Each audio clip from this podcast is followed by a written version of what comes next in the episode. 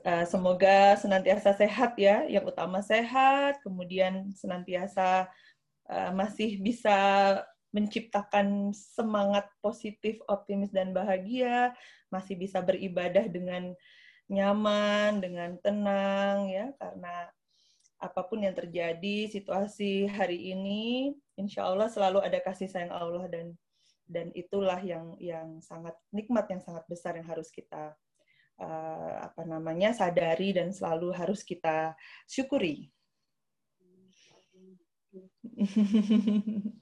Monggo Budian dipersilakan. Ya, oke sebentar, Saya lihat randonnya, takut saya saat ini lagi. Sebentar, sebentar. Oh, saya lihat randonnya. Sampai jam 10 ya. Mungkin 10 lebih dikit nggak apa-apa ya? Ya, nggak apa-apa. Ya, 10.15 gitu ya. Insya Allah ini kan kita fokusnya tanya jawab nih. Ya. Tanya jawabnya mungkin uh, di awal saya memaparkan sedikit saja ya karena kan sudah baca tulisan saya dan ya dan cukup panjang ya karena saya saya ingin uh, disesuaikan dengan kondisi kita saat ini di mana kita uh, sedang menghadapi ujian ya dari Allah pandemi yang mungkin kalau di negara lain makin hari makin membaik kalau di negara kita masih masih belum ya masih banyak PR gitu ya dan dan dan itu yang akan lebih memicu kekhawatiran.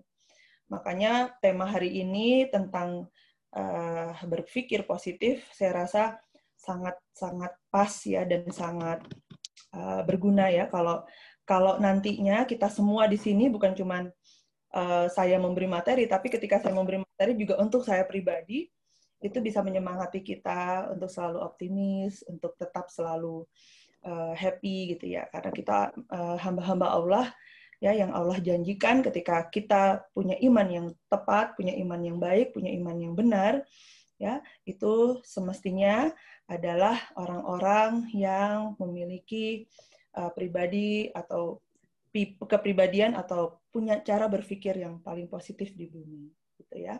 Baik saya mulai. Auzubillahi minasyaitonirrajim. Bismillahirrahmanirrahim. Alhamdulillahirabbil alamin. Allahumma sholli ala Muhammad wa ala ali Muhammad. Asyhadu alla ilaha illallah wa asyhadu anna Muhammadan abduhu wa rasuluh. Asbahna wa asbahal mulku lillahi walhamdulillahi la syarikalah la ilaha illa huwa wa ilaihi nusur.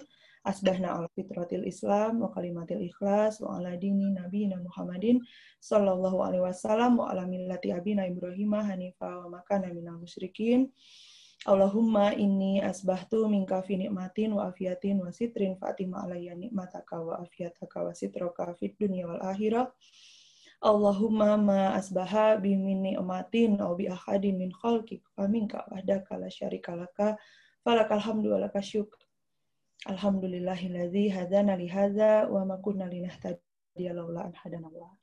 Baik tadi ya kalau kalau yang sering ikut kajian saya doa selalu saya saya saya ucapkan di awal membuka uh, kajian itu adalah doa yang yang yang disunahkan dibaca pagi dan sore ya. Walaupun saya tahu ada banyak ya peserta di sini yang sudah mengamalkan sore ya tapi bukan cuma pada saat pagi dan sore tapi ketika kita memang butuh energi dari doa itu doa itu bisa kita ucapkan. Insya Allah dengan dengan mentafakuri, dengan memahami doa tersebut, insya Allah Allah akan selalu jaga ya, selalu jaga akhlak kita, selalu jaga azam kita, akan selalu jaga uh, kemampuan kita untuk senantiasa melihat segala sesuatu peristiwa yang Allah izinkan terjadi dalam hidup kita itu uh, dengan senantiasa memikirkan kasih sayang Allah bahwa itu adalah buah dari kasih sayang Allah bahwa itu adalah buah dari cinta Allah yang luar biasa, yang tanpa batas,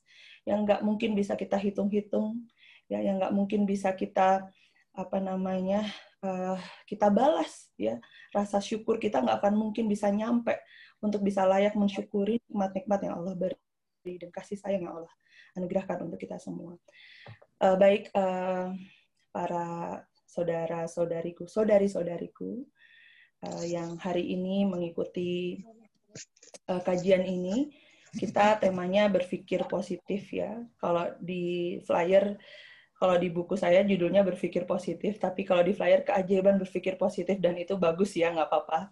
Karena memang dengan kita memilih berpikir positif, Ya, untuk bisa memilih berpikir positif berarti kan kita tahu dulu nih gimana cara untuk berpikir positif ya.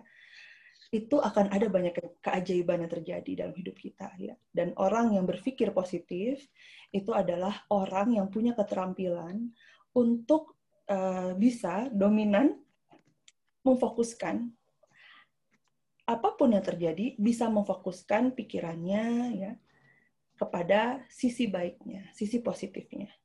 Ya, jadi orang yang berpikir positif itu adalah orang ya yang dia punya keterampilan untuk bisa dominasi pikirannya itu bisa fokus kepada sisi positif dari setiap hal yang terjadi di hidupnya. Mau peristiwanya baik, mau peristiwanya apalagi peristiwanya eh, eh apalagi peristiwanya baik, eh, mau peristiwanya buruk maupun ketika peristiwanya baik. Kalau peristiwanya baik gampang ya, tapi kalau peristiwanya buruk itulah yang kita eh, itu adalah arena latihan kita untuk bisa berpikir positif. Ya, kalau kita dapat peristiwa baik, tentu gampang saja berpikir positif. Tapi kalau kita dapat peristiwa yang buruk, itulah justru latihannya kita. Ya, dan orang yang berpikir positif bukan berarti orang yang 24 jam bisa berpikir positif. Bukan orang yang nggak pernah sedih, bukan orang yang nggak pernah marah, bukan orang yang nggak pernah berpikir negatif, salah, bukan. Ya, orang yang berpikir positif, orang yang juga merasakan pikiran negatif, orang yang ber berpikir positif, terampil berpikir positif, juga orang yang bisa sedih, marah, ya bisa berasa buruk. Tapi apa? Apa bedanya sama sama orang yang tidak yang tidak punya keterampilan berpikir positif? Orang yang punya keterampilan berpikir positif adalah orang yang ketika ya dia menerima peristiwa-peristiwa buruk, kemudian muncul emosi negatif, kemudian muncul pikiran negatif, dia sadar bahwa pikiran negatif, emosi negatifnya itu merugikan dia kalau dia pelihara. Sehingga apa yang terjadi? Orang yang punya keterampilan berpikir positif, ketika kesedihan datang, ketika pikiran negatif datang, ya, ketika perasaan negatif datang, dia tahu nih, ya, oke, okay, ini pikiran negatif datang. Aku sedih, aku marah, tapi aku nggak akan lama-lama marah. Ya, sedihku dan marahku ada batasnya. Ya, ketika aku sudah merasa cukup untuk mengekspresikannya, cukup untuk menyalurkannya, ya, maka aku harus bersegera mengembalikan lagi energiku ke yang positif, mengembalikan lagi perasaanku jadi perasaan positif lagi, mengembalikan pikiranku jadi pikiran positif. Jadi orang yang terampil berpikir positif adalah orang yang uh, sadar bahwa ketika dia dikuasai oleh perasaan dan pikiran negatifnya, ketika dia dapat peristiwa negatif, ya itu merugikan dia kalau dia dia dia, dia dikuasai itu, maka dia dia memutuskan dia yang menguasai pikirannya. Nah, dengan cara apa? Kalau peristiwa negatif datang, kemudian perasaan negatif muncul, otomatis kayak gitu manusia semua ya. Peristiwa negatif datang, mau dapat musibah, masalah, pasti kita muncul emosi negatif, sedih, marah, kecewa, takut, cemas, itu kan. Nah, tapi orang yang keterampilan berpikir positif tidak ingin berlama-lama di situ, tidak mau memelihara ya. Jadi dia menerima dulu tuh emosi negatifnya ya karena apa dalam dalam Eh, dalam kita memahami ilmu kesehatan mental, manusia itu tidak boleh merepress emosi negatif. Manusia itu tidak boleh ketika punya emosi negatif kemudian ditekan ya di, di, di, diabaikan. Tidak ada saluran untuk untuk membuangnya ibarat kayak selang ya emosi negatif itu eh, apa namanya toksin toksinnya itu apa tuh sampah-sampah yang mampet tuh bikin selangnya tuh airnya kecil ya bikin nggak lancar Nah, itu harus dikeluarkan. Ya, tubuh manusia itu psikisnya itu seperti wadah yang ada tutupnya. Ya, kalau misalnya dapat peristiwa negatif tapi dia tidak bisa menyalurkannya dengan cara yang baik ya, dengan cara yang tidak merugikan diri sendiri dan orang lain, tidak bisa menyalurkan marah sedihnya ya dengan cara yang baik ya, apa yang baik artinya tidak merugikan diri sendiri dan orang lain, maka itu nanti jadi toksin lama-lama, jadi penyakit, merusak ya. Selang itu juga ini saya baru aja soalnya ya Masya Allah ya, selang saya kok kecil beberapa hari ini. Ternyata di dalam selang saya banyak lumut-lumut. Sehingga ketika lumutnya dikeluarin, ya langsung selangnya lancar lagi. Nah itu juga ya psikis manusia seperti itu. Nah jadi ketika dapat emosi negatif, merasa emosi negatif, yang pertama adalah menerima dulu. Ya oke aku marah, aku boleh marah, aku boleh sedih karena aku habis dijahatin, karena habis dizolimi, karena habis dapat musibah. Ya, tapi setelah itu apa? Ya, Eh, setelah diterima langsung uh, disegerakan untuk kemudian dicari uh, bagaimana caranya emosi negatif itu tidak menguasai. Sehingga kemudian, oke okay, aku boleh sedih, nangis dulu deh satu jam, nangis dulu deh nanti sampai duhur. Tapi habis itu aku harus menciptakan bahagia. Nah, sudah terlalu lama ya penjelasannya. Monggo sekarang tanya jawab. Tanya jawab Mainda, monggo. Kemudian dimulai pertanyaan yang masuk ke saya dulu. Yeah. Dari Novi di Malang menanyakan tentang afirmasi positif. Mm -mm. Bagaimana cara agar lebih mudah mempraktekkan terhadap diri sendiri dan keluarganya? Mohon juga diberikan contohnya. Oke, baik. Barakallah ya. Bismillahirrahmanirrahim. Jadi, kalau udah baca tulisan saya untuk teknik ya, eh, teknik atau cara metode untuk kita uh, bisa kemudian berpikir positif adalah dengan afirmasi ya. Afirmasi itu adalah kalimat-kalimat yang diulang-ulang ya yang kita tujukan pada diri kita, mau orang lain yang memberikan itu ataupun kita sendiri, ya yang penting adalah kita meyakininya. Jadi kalau ada orang membantu kita untuk berpikir positif, kita lagi sedih nih, terus ada orang apa eh, nggak usah bersedih kamu pasti bisa melalui semua. Kamu orang hebat kamu bisa kok kamu kuat kok. Itu kan afirmasi ya. Nah diulang-ulang. Nah diulang-ulangnya itulah yang akan menyebabkan lama-lama karena kita sering mendengarnya kemudian jadi mindset kita. Ya karena segala sesuatu yang diulang-ulang meskipun itu salah ya itu bisa bisa jadi mindset. Makanya hati-hati sama yang kita pilih untuk kita dengar yang kita pilih untuk masuk ke dalam uh, otak kita ya tontonan. Itu juga hati-hati.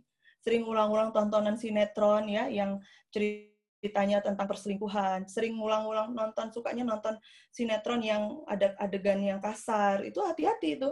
Dengerin musik itu juga lirik-lirik yang membuat kita lupa sama Allah. Lirik-lirik yang kasar lirik-lirik yang membuat kita depresi. Itu hati-hati ya.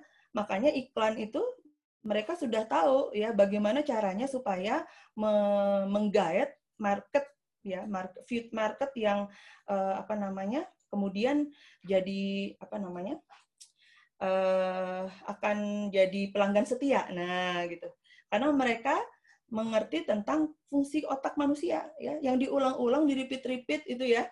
Itulah yang kan tanpa sadar nih masuk ke mindset kita ya sehingga kalau ada iklan tuh jargonnya diulang, diulang, diulang ya. Itu nanti kita kalau ke toko lihat produk, tiba-tiba kita kayak tertariknya sama produk itu karena kita lebih sering lihat produk itu diulang-ulang brandnya, kata-katanya. Nah, manusia itu juga begitu ya. Jadi ketika ketika ada orang, ketika ada manusia ya berada di lingkungan yang dia diulang-ulang terus ya menilai tentang diri kita ya misalnya kita ada di lingkungan yang negatif ya kita di label negatif dasar kamu bodoh, bodoh, kamu memang gagal, nggak mungkin berhasil, nggak mungkin jadi orang sukses. Terus diulang-ulang, itu meskipun kita nggak nyaman, itu bisa jadi keyakinan kita. Nah, kalau jadi keyakinan kita bahaya. Karena apa yang jadi mindset kita, itulah nanti yang kemudian akan menjadi kepribadian kita. Nah, tapi kalau sudah seperti itu, bagaimana caranya bisa dirubah nggak Budian? Bisa itu dengan afirmasi positif. Jadi menyerang mindset yang kita yakini sebelumnya sebagai hal negatif di dalam diri kita, karena seringnya diulang-ulang orang-orang yang underestimate sama kita, seringnya diulang-ulang peristiwa negatif yang menyakiti kita, yang membuat kita nggak berdaya, membuat kita nggak pede, membuat kita merasa buruk, merasa hina, ya kan? Nah, itu dilawan sama afirmasi positif. Dan afirmasi positif itu bisa dilakukan oleh orang lain maupun oleh kita sendiri yang kita ngomong ke diri kita kalimat-kalimat positif yang menyerang pikiran yang itu menyerang pikiran-pikiran negatif sebelumnya yang ada di dalam diri kita. Nah, mau orang lain membantu, kan kita punya temen ya, suka support kita. Tapi kalau kita nggak meyakini itu, itu juga nggak mempan afirmasi positifnya. Jadi yang penting adalah kita yang harus meyakini afirmasi positif itu.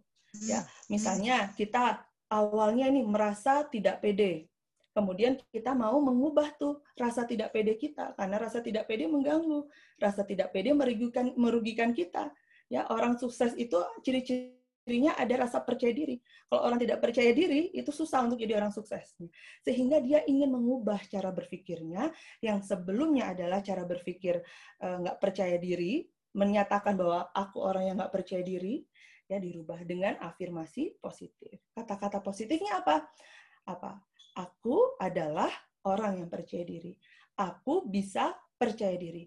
Aku yakin aku bisa percaya diri. Nah, rumusnya apa? Afirmasi positif itu. Yang pertama, kata-katanya harus positif. Jadi kalimatnya harus kalimat yang isinya adalah kata-kata positif. Karena kenapa?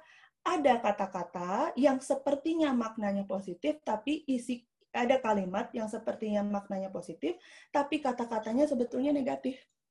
Ya, apa contohnya? Jangan buang sampah sembah sembarangan. Nah, lebih efektifan mana sama buanglah sampah pada tempatnya. Nah, itu lebih efektifan ya positif. Buanglah sampah pada tempatnya lebih langsung menyuruh kita melakukan yang diinginkan. Nah, sama gini, ada orang larang kita jangan lari-lari, ya. Terus sama jalan pelan-pelan, jalannya hati-hati. Nah, lebih efektifan mana? Kita akan lebih nurut sama yang mana? Sama yang langsung menyuruh kita untuk melakukan yang dia inginkan. Kalau kita disuruh jangan lari-lari, jangan keluar malam, biasanya kita apa dongkol ya sebel ya nggak boleh berarti nggak nggak boleh lari-lari sama sekali berarti nggak boleh keluar rumah sama sekali padahal maksudnya bukan begitu. Ya harusnya apa? Kalau yang jalan lari-lari jalannya hati-hati dong. Pelan-pelan jalannya nah kita lebih bisa nurut itu nah kata-katanya lebih positif. Terus kalau jalan jangan keluar rumah misalnya jangan keluar malam. Kata-katanya diganti. Pulanglah lebih sore. Pulanglah lebih awal. Nah, lebih enak gitu. Nah, makanya syarat afirmasi positif itu juga apa isi kata-katanya harus positif.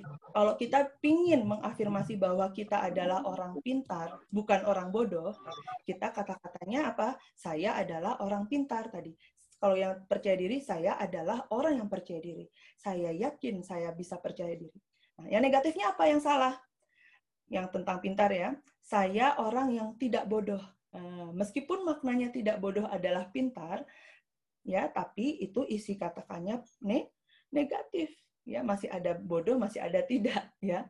Harusnya langsung saya adalah orang pintar. Kemudian kalau yang tidak percaya diri, saya adalah orang yang percaya diri itu yang positif. Kalau yang negatifnya, saya adalah orang yang uh, adalah orang yang buk, uh, adalah orang yang bukan tidak percaya diri gitu ya. Saya saya bukan orang yang tidak percaya diri. Nah, itu maknanya positif, tapi sebetulnya kata-katanya negatif. Nah, itu tidak boleh. Nomor satu syaratnya afirmasi ya. Ya, kenapa? Karena itu uh, ada hubungan sama kerja otak kita. Otak kita tuh nggak punya saringan untuk mentranslate ya bahwa tidak bodoh sama dengan pintar bahwa tidak bukan tidak percaya diri sama dengan percaya diri ya bahwa tidak selingkuh sama dengan setia gitu ya.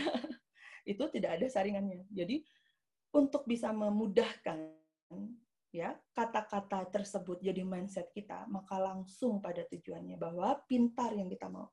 Ya, karena otak kita ini menyerap informasi ya, menyerap informasi dari lewat kata-kata, apa yang kita lihat, apa yang kita dengar, apa yang kita sentuh, apa yang, apa yang kita rasakan, apa yang kita cium ya dari organ indera tubuh kita, itu akan masuk ke gudang memori.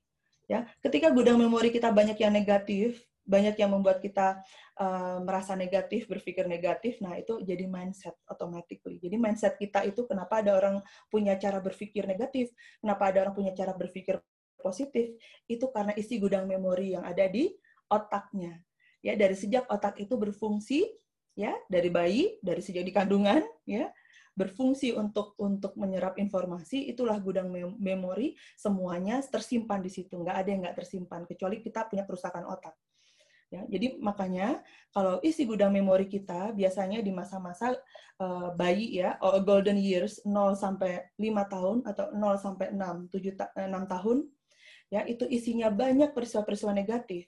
Ya itu isinya dalam hidup kita itu kita punya rutinitas melihat kepedihan melihat sakit merasakan sakit hati merasakan ketakutan dan kekecewaan maka itu akan jadi mindset kita mindset si cemas mindset si suka prasangka buruk mindset yang suka ragu yang nggak percaya diri nah itu nah dirubahnya pakai afirmasi positif karena apa? Karena masa depan kita ya itu bukan ditentukan oleh masa lalu kita sebetulnya.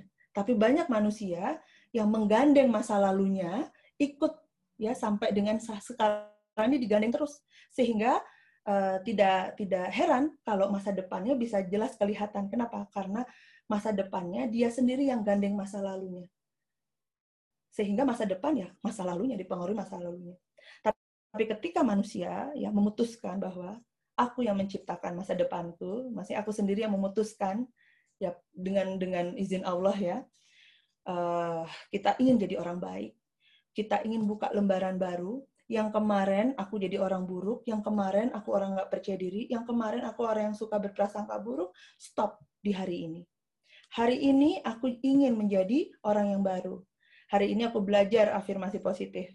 Hari ini aku ingin menciptakan masa depanku yang baru. Masa depan ya yang aku inginkan. Ya. Masa depan yang baik adalah apa? Ketika kita melibatkan setiap mimpi kita, ada Allah di situ. Ketika kita menjadikan setiap mimpi kita tujuannya Allah, tujuannya akhirat, ya. Karena apa? Yang menentukan apa yang kita putuskan itu akan terjadi atau tidak, itu Allah. Kita bisa merancang hidup kita ya sesempurna mungkin, tapi kalau Allah tidak berkehendak, itu tidak akan terjadi. Maka yang cerdas adalah ketika kita punya impian, ketika kita sedang menyusun masa depan, ya mestinya kalau kita cerdas, libat ada Allah di situ, Allah yang menjadi pondasinya. Ya aku ingin jadi dokter, dokter yang diridhoi Allah, yang bisa berdakwah dengan profesiku. Aku ingin menjadi pengusaha di mana jadi pengusaha sukses, nanti kesuksesanku bisa bermanfaat untuk dakwah kesuksesanku bisa bermanfaat untuk akhiratku, untuk amal untuk almarhum, almarhumah orang tuaku. Nah, seperti itu. Jadi afirmasi itu ya contohnya. Ya jadi gini aja. Di pertama ditulis dulu ya, pikiran apa yang menurut Anda itu masih mendominasi diri Anda, yang masih Anda yakini tapi Anda tahu itu keyakinan yang buruk yang membuat mindset Anda buruk. Ya, misalnya ditulis tuh di list banyak.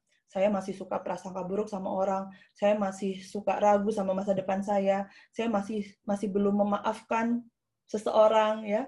Saya masih uh, apa belum bisa berdamai sama rasa rasa sakit, kepahitan, trauma gitu. Ditulis semua. Habis itu di kolom sebelahnya Anda ubah itu jadi kalimat positif, afirmasi positif yang menyerang itu, ya, yang menafikan kalimat itu, kalimat negatif itu. Ya, yang me, apa ya, yang 180 derajat kebalikan dari kalimat itu yang Anda inginkan. Karena Anda ingin sembuh, Anda ingin berpikir positif, dirubah itu dan kemudian dipraktekkan. Ya, boleh diomongkan dengan lantang, ya, boleh dalam hati, tapi Anda harus intinya yang kedua syarat afirmasi positif diulang-ulang. Ada repetition ya, diulang-ulang sehingga ketika Anda merasa Anda bodoh, tiba-tiba ini ada perasaan aku kok bodoh, langsung no no no. Aku orang pintar. No. Aku cerdas. Aku suka belajar, aku bisa cerdas, gitu ya. Ketika ada perasaan aduh aku sakit hati, ya Allah, aku masih sakit hati sama orang itu. Bilang, enggak, enggak, enggak. Kamu bisa kok memaafkan. Kamu bisa memaafkan. Bilang ke diri sendiri. Jadi yang utama adalah kita meyakini apa yang kita sampaikan ke diri kita. Makanya hati-hati. Jangan sampai yang kita ulang-ulang adalah yang negatif-negatif. Ya, jangan biarkan hal-hal negatif banyak terulang-ulang ke kita sehingga kita lama-lama jadi meyakini itu. Ini ada ada penjelasannya Makanya ya, hati-hati kita memilih lingkungan pergaulan. Hati-hati kita memilih apa yang kita konsumsi untuk mengedukasi kita. Kalau Anda dikelilingi oleh lingkungan yang menyatakan bahwa Tuhan itu tidak ada, ya orang-orang ateis, ya orang-orang komunis gitu ya. Anda akan otomatis ikut sama pemikiran itu. Kenapa? Karena diulang-ulang repetition, diulang konsep-konsep itu tanpa Anda apa eh, dan sedikit untuk anda uh, apa namanya berinteraksi dengan hal yang sebaliknya bahwa Allah itu ada, Tuhan itu ada, Islam adalah agama rahmatan lil alamin. Sedikit Anda bergaul dengan itu, tapi banyak bergaul dengan yang negatif, maka itu akan mempengaruhi cara berpikir Anda. Ya, jadi mulai sekarang kalau kita sudah tahu ini, kita akan mensortir tuh apa yang kita konsumsi. Tayangan juga kita sortir ya. Bacaan buku juga kita sortir ya kemudian pergaulan teman-teman kita sortir ya aktivitas kesibukan pun kita sortir kita sortir ya ke, semua kegiatan itu ya supaya apa? Supaya kita positif, lebih banyak menjadi pribadi yang positif. Makanya jangan suka berdekatan sama orang-orang yang kalau ketemu sukanya gosipin orang, sukanya gibahin orang, sukanya ngomong kejelekan gitu ya. Asik banget kalau ngomong kejelekan. Itu harus kita hindari. Bukan berarti kita berbuat buruk, enggak, hindari aja batasi, jangan akrab gitu loh. Artinya begitu. Berbuat baik tetap harus, menyapa tetap harus, tapi Anda bisa milih siapa yang akrab sama Anda, siapa yang boleh akrab sama Anda. Begitu ya tentang afirmasi. Nah, kemudian ya sebentar ya sebelum ke pertanyaan lanjutannya saya mau tambahkan. Sesungguhnya afirmasi ini, masya Allah ya, sudah Allah lakukan ya. Tanpa kita sadar Allah yang melakukan itu semua ya. Dan diaplikasikan sama konsep ilmiah Barat gitu kan tentang bagaimana menjadi orang yang berpikir positif adalah afirmasi, repetition, Seringlah mengulang-ulang pikiran positif tentang keyakinan positif terhadap diri Anda bahwa aku sukses, aku bisa berhasil, aku bisa bahagia, keluargaku harmonis, suamiku setia gitu kan. Itu Allah sudah melakukannya duluan. Ya. Coba eh, direnungi ya. Semua yang Allah perintahkan. Ibadah kan. Oh, kita diciptakan Allah tujuannya beribadah ya kepada Allah. Salat, ada kata-kata dalam kita menjalankan sholat yang diulang-ulang. Ya, Al-Fatihah diulang-ulang ya. Zikir Allah suruh kita mengingat Allah. Sholat itu yang khusyuk apa tujuannya mengingat Allah. Mengingat Allah dengan apa? Membaca Al-Quran mengingat Allah. Kita berpuasa tujuannya mengingat Allah. Kita disuruh bersedekah, jadi orang dermawan, berinfak, tujuannya mengingat Allah. Kita disuruh naik haji, tujuannya mengingat Allah. Semuanya adalah dalam rangka Allah ingin memprogram mindset kita menomorsatukan Allah. Menomorsatukan ingat Allah. Karena itulah pikiran positif paling positif di bumi. Yang energi positifnya paling positif di bumi. Adalah tentang Allah. Sehingga Allah memerintahkan kita ya melakukan kewajiban-kewajiban dan ada ibadah sunnah ya yang itu semuanya diulang-ulang. Anda baca Quran disuruh Allah cuma sampai umur tertentu sampai khatam atau diulang-ulang, diulang-ulang bahkan lebih bagus kalau dihafal ya Anda disuruh tadabur berulang-ulang. Berzikir sebanyak-banyaknya. Ya puasa ada puasa sunnah. Ya selain puasa Ramadan puasa sunnah. Ya kemudian bersedekah disuruh ber apa namanya berkali-kali. Ya disuruh jadi ahli sedekah gitu kan? Nah masya Allah. Ternyata Allah sedang melakukan afirmasi positif ke kita sehingga ketika Allah bilang sholat itu mencegah perbuatan keji dan mungkar sangat betul ya ketika Allah me, me, menjelaskan bahwa berpuasa itu ya goalsnya adalah menjadikan kita manusia yang bertakwa, yang pandai bersyukur, yang roshid, yang hanif, ya. Itu betul. Yang apa? Mengendalikan hawa nafsu, ya. Karena kita bermujahadahnya adalah selama hidup kita adalah mengendalikan hawa nafsu. Supaya punya self self control dan itulah kemuliaan manusia. Manusia mulia karena punya kemampuan mengontrol diri ya manusia mulia karena manusia bisa melakukan itu. Ya jadi itu ya kita yang mengontrol diri kita dengan salah satunya mengafirmasi. Sebetulnya tanpa kita paham teknik ini kita tinggal jalankan aja perintah Allah. Ya itu kita sudah mengafirmasi diri kita dengan afirmasi paling positif yang pernah ada. Ya kata-kata kalimat paling positif ada di Al-Qur'an ya adalah Al-Qur'an. Kata-kata paling positif ya yang pernah ada di alam semesta ini, bukan cuma di bumi, itu adalah kalimat-kalimat firman Allah dari Al Al-Quran. Jadi sebetulnya ketika Anda mengulang-ulang hafalan, mengulang-ulang mempelajari Quran, mentadaburinya, membacanya, mendengarkannya, kemudian Anda khusyuk sholatnya, kemudian Anda ikut kajian seperti ini membuat Anda semakin dekat sama Allah, makin kenal Allah, makin cinta Allah, makin cinta Rasulullah, makin mengikuti sunnah Rasulullah SAW, ya itu Anda sedang memprogram diri Anda, menciptakan diri Anda yang baru, menjadikan Anda pribadi paling positif di bumi, menjadikan Anda manusia yang punya keterampilan berpikir positif. Begitu. Baik. Begitu Mbak Indah, selanjutnya. Baik, Masya Allah materinya Budian. Jadi nge-rechat akhirnya. Uh, Baik teman-teman, untuk pertanyaan selanjutnya, sebelumnya uh, buat teman-teman yang mau bertanya, bisa di room chat atau enggak bisa raise hand ya kalau ingin bertanya langsung ke Budian. Atau enggak ke WA ke saya enggak apa-apa. Ini ada WA WA ke saya dari Sakina Salwa di Malang. Saya pernah berpikir setelah aku to setelah aku tobat pun Allah bakal ngasih ujian lagi. Kalaupun aku bisa melewati ujian kali ini, aku bakal tetap capek juga ngadepin ujian lagi lagi di depan. Apa aku bisa ngadepin ujian lagi? Aku nggak mau diuji lagi, tapi nggak mungkin. Bagaimana cara menyikapi menyikapi pikiran tersebut, Budian? Masya Allah, barakallah pertanyaannya bagus ya.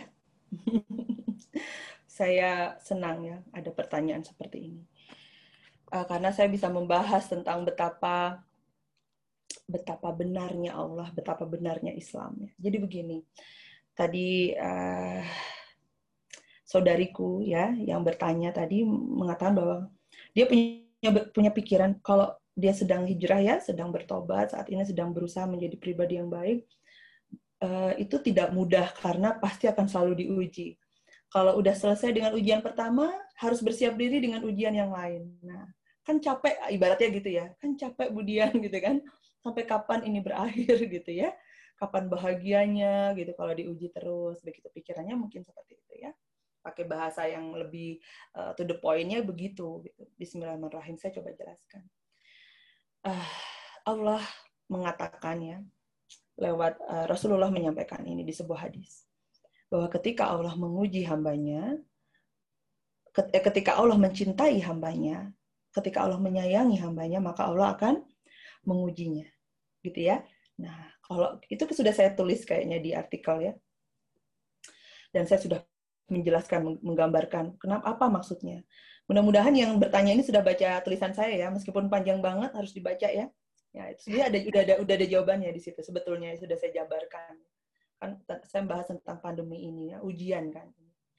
Jadi ya, apa maksudnya? Oh, kalau Allah mencintai hambanya, maka Allah akan mengujinya. Begini, kita pakai analogi kalau saya nulis di situ ya, ilmu parenting. Ya. Orang tua yang mendidik anak. Kalau di ilmu parenting, itu ada tiga tipe. Ada yang otoriter, otoriter yang keras, kaku, ya, sukanya menghukum, tapi nggak beri kasih sayang, ya. Ini kan buruk nih, bikin anak jadi punya pribadi cemas, punya pribadi nggak percaya diri, ya, punya pribadi takut, penakut, nggak ngerti dirinya, tidak mengerti jati dirinya, karena sehari eh, setiap setiap hari ya diperkenalkan dengan rasa horor ngeri. Nah, yang kedua adalah eh, apa pola asuh yang baik, namanya autoritarian. Ya. Apa yang baik ini? Dia uh, memberikan kasih sayang orang tuanya, tapi juga ada kontrolnya, ada aturannya, ada do, don'ts and do-nya gitu loh. Ada ada kedisiplinannya ya. Beda ya tegas sama keras. Kalau yang otoritarian yang baik ini ini tegas, orang tua yang tegas. Apa? Orang tua yang ketika ketika anaknya melakukan kesalahan tidak dibiarkan. Orang tua yang menginginkan anaknya belajar untuk menjadi pribadi yang tangguh, yang survival gitu ya sehingga ketika anaknya jatuh, ketika anaknya jatuh dari tangga misalnya, atau lagi jalan, lagi latihan jalan, jatuh, bukannya kemudian dipanik, ditolong, aduh anakku, anakku gitu nangis, kemudian lain aku nggak jangan sampai anakku jatuh lagi. Pikirannya nggak gitu kalau orang tua yang otoritarian. Pikirannya adalah biarkan dia ngerasain sakitnya jatuh sehingga dia akan belajar bahwa ketika jalan nggak hati-hati dia akan sakit, dia akan terluka. Biarkan dia belajar dari lukanya, ya bahwa kalau dia jalan yang nggak hati-hati, dia akan jatuh dan luka sakit lagi kayak gitu. Nah, orang tua yang kayak gini mungkin bisa anda lihat dan saya yakin di sini mungkin banyak orang tua yang kayak gini, ya itu akan kemudian apa ketika anaknya jatuh, anaknya terluka, ya dia tenang, lihat dulu.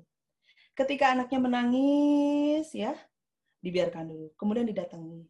Kenapa nak? Sakit, iya sakit mah gitu ya nggak apa-apa sakitnya sebentar lagi hilang anak mama yang hebat anak mama yang kuat pinter ya sakitnya sebentar lagi hilang nak ya oke ayo senyum lagi gitu besoknya ketika anak itu sedang berjalan karena dia pernah punya pengalaman jalanku nggak hati-hati tuh aku jatuh maka dia akan hati-hati jalannya. Ini coba Anda lihat anak Anda kalau pertama kali naik tangga. Ya. Dia nggak tahu kalau naik tangga harus hati-hati. Jalan duduk-duduk gitu ya. Akhirnya, aduh, jatuh kan? Nah, itu Anda harus biarkan dia dulu. Bukan berarti biarkan dia menderita, biarkan dia ngerasain sakitnya. Jangan kita, aduh, aduh kenapa, nak, kenapa sayangku gitu ya. Nggak boleh lagi naik tangga ya, nggak usah naik tangga ya. Nah, Anda ngomong gitu, Anda sedang mengkat pengalaman dia belajar naik tangga ya karena ada lihat naik tangga anakku jatuh aku nggak pengen anakku jatuh nggak usah naik tangga ditiadakanlah tangga. Dia nggak pernah punya pengalaman naik tangga yang ada di dalam otaknya sekarang adalah trauma naik tangga sehingga dia nggak akan pernah naik tangga nggak akan pernah mau naik tangga. Nah kalau misalnya seperti orang tua yang tadi yang tegas itu ya yang dia biarkan anaknya nangis dulu sebentar terus dia datengin. Bukan dibiarin loh ya bukan disyukurin juga ya syukurin lo nggak jangan gitu juga ya. Tapi didatengin. Kenapa nak sakit mah gitu. Oh, oke sakit nggak apa-apa makanya lain kali hati-hati ya. Anak hebat anak pintarnya mama besok naik tangga hati-hati lebih hati-hati gitu. Ya kita masukkan afirmasi. Eh besoknya pas naik tangga yang tadinya dia nggak pegang pegangan tangga dan dia dengan berlari dia langsung pegangan tangga. Langkahnya pelan-pelan dilihat. Lama-lama dia tahu cara hati-hatinya naik tangga sehingga dia tidak ter terluka. Nah, itu ya. Ada yang ketiga nih, parent apa cara mendidik anak yang ketiga. Permisif, apa itu? Memanjakan, ya itu tadi. Sudah sekaligus saya jelaskan tadi. Orang tua yang permisif adalah orang tua yang pinginnya anaknya nggak dapat yang nggak enak nggak enak maunya seneng terus nggak boleh jangan sampai anakku menangis setetes pun air matanya Jangan pernah anakku di, di tubuhnya ada goresan luka. Ya orang tua mana sih sebetulnya yang pengen anaknya terluka? Nggak ada ya. Tapi Anda kalau jadi orang tua kayak gitu, Anda jadi orang tua yang buruk. Kenapa? Anda nggak memberikan ke, uh, haknya anak Anda untuk belajar, survive menjalani kehidupan.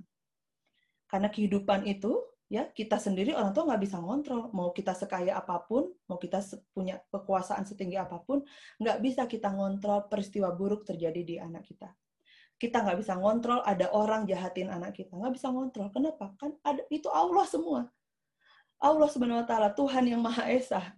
Kita nggak bisa lawan Allah. Semua kekuasaan di genggaman dia. Ya?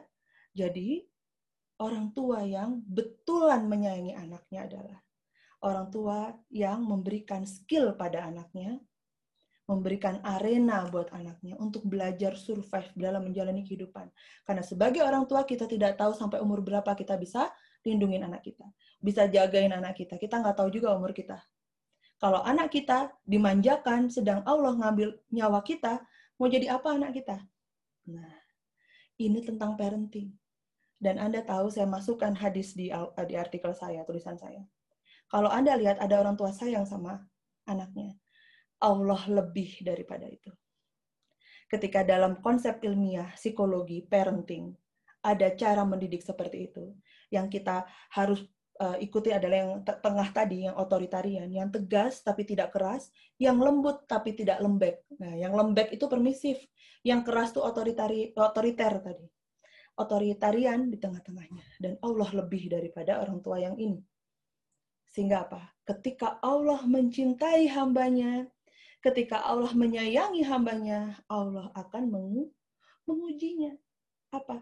Diberi ujian berbentuk hal-hal yang kita tidak kita sukai. Musibah, masalah, orang nyakitin kita, ada orang zolimin kita.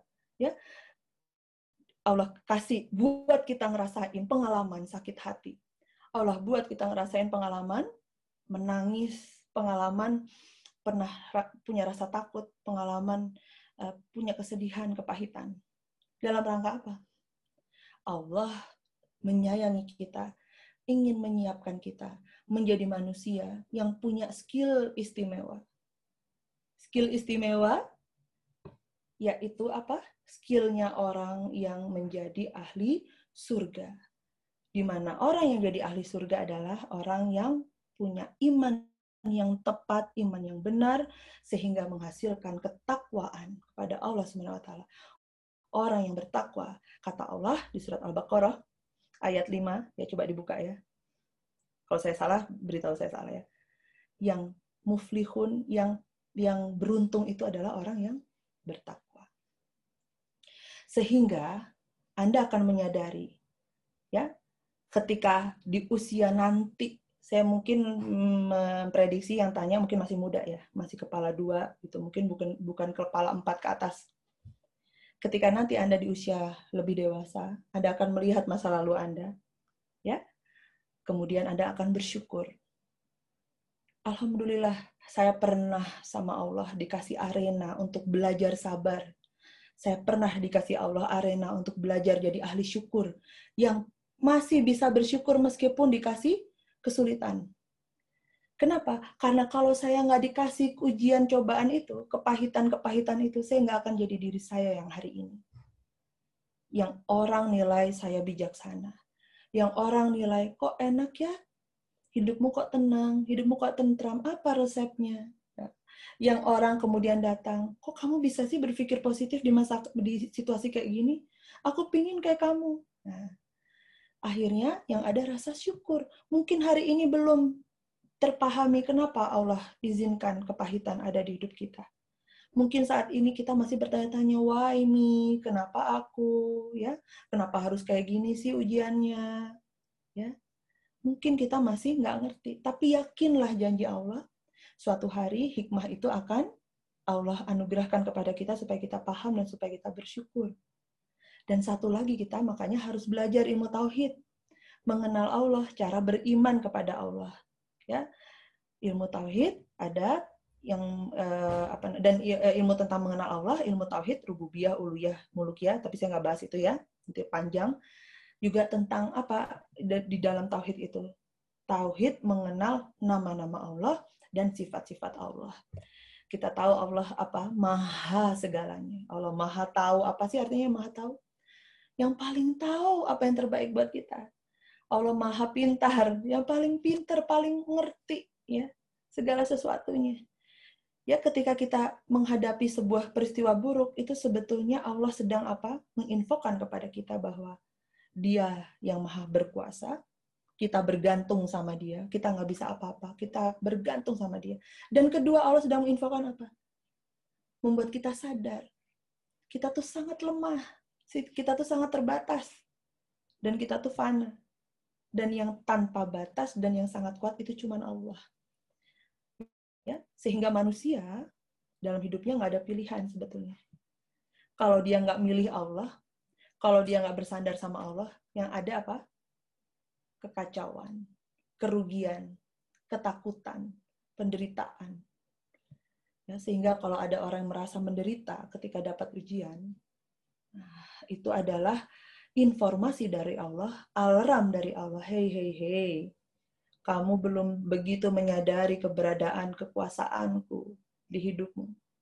Kamu masih bersandar pada manusia. Kamu masih mengandalkan pujian manusia. Masih mengandalkan pertolongan, perlindungan manusia. Bukankah aku selama ini? Allah itu maha cemburu. Maha cemburu Allah. Kalau kita bersandarnya bukan karena Allah, Allah akan buat sesuatu yang membuat kita sadar bahwa kita nggak bisa nyandarin ke yang selain Allah. Dibuat kita kecewa, dibuat kita sedih, dibuat kita sakit hati. Sampai akhirnya kita ngeh bahwa kita nggak bisa ngandelin yang lain, kita harus ke Allah. Ya, Sehingga ketika kita ke Allah, dengan tulus, dengan merasa sangat butuh Allah. Nah, itulah pertolongan Allah datang. Ya, jadi makanya kalau dapat hal-hal yang tidak menyenangkan, ya pikirkan saja bahwa ini kelihatan nggak enak memang, kelihatan rasanya menyakitkan memang. Tapi ini karena kasih sayang Allah yang aku belum paham. Sama dengan kita baru memahami kasih sayang orang tua kita setelah orang tua kita meninggal. Astagfirullahaladzim baru kita menyesal ketika orang tua kita meninggal. Kenapa dulu berantem sama orang tua? Kenapa dulu kita protes-protes sama orang tua? Baru tahu. Semua itu karena orang tua sayang. Baru tahunya ketika orang tua meninggal. Jangan sampai. Ya, sama orang tua aja kita begitu kan? Ya. Sama Allah jangan begitu. Jangan sampai kita berprasangka buruk sama Allah. Kita ini siapa sih bisa mengkritik Allah? Kita aja siapa sih kita bisa mengkritik profesor yang ilmunya mungkin profesor universitas terbaik di dunia kita mengkritik. Tapi sih nggak, aduh nggak, aku tidak berkapasitas mengkritik beliau, beliau profesor tinggi. Nah ini Allah kok dikritik loh. Allah kok diprasangka burukin, kok berani-beraninya memperasa berprasangka buruk sama Allah. Ya makanya di dalam proses hijrah ini Rasulullah pun ketika berdakwah yang awal diberikan kepada apa namanya eh, pada jamaahnya, pada sahabat-sahabat, pada umatnya itu adalah dakwah, eh dakwah apa akidah. Apa? Mengenal Allah. Itu dulu, mengenal Allah tuh Tuhan kita yang punya kekuatan apa sih? Kapasitasnya apa sih? Punya eh, punya sifat yang bagaimana sih sehingga kita kalau sudah paham itu ya semua nanti aturan-aturan Allah bisa kita pahami tentang kenapa kok hidup itu ada ujian, kenapa hidup itu ada musibah, kita akan ngerti. Ya. Nah, uh, makanya di awal-awal hijrah yang paling utama sering kita minta ke Allah adalah supaya Allah izinkan kita mengenal Allah. Untuk kemudian jatuh cinta sama Allah. Ini sering saya ngomongin ini kalau di positif. Kalau udah jatuh cinta, kita takut sama Allah. Kita taat sama Allah. Dan taat sama Allah itu tidak rugi, ya. Taat sama manusia bisa rugi kita. Cinta sama manusia bisa rugi kita.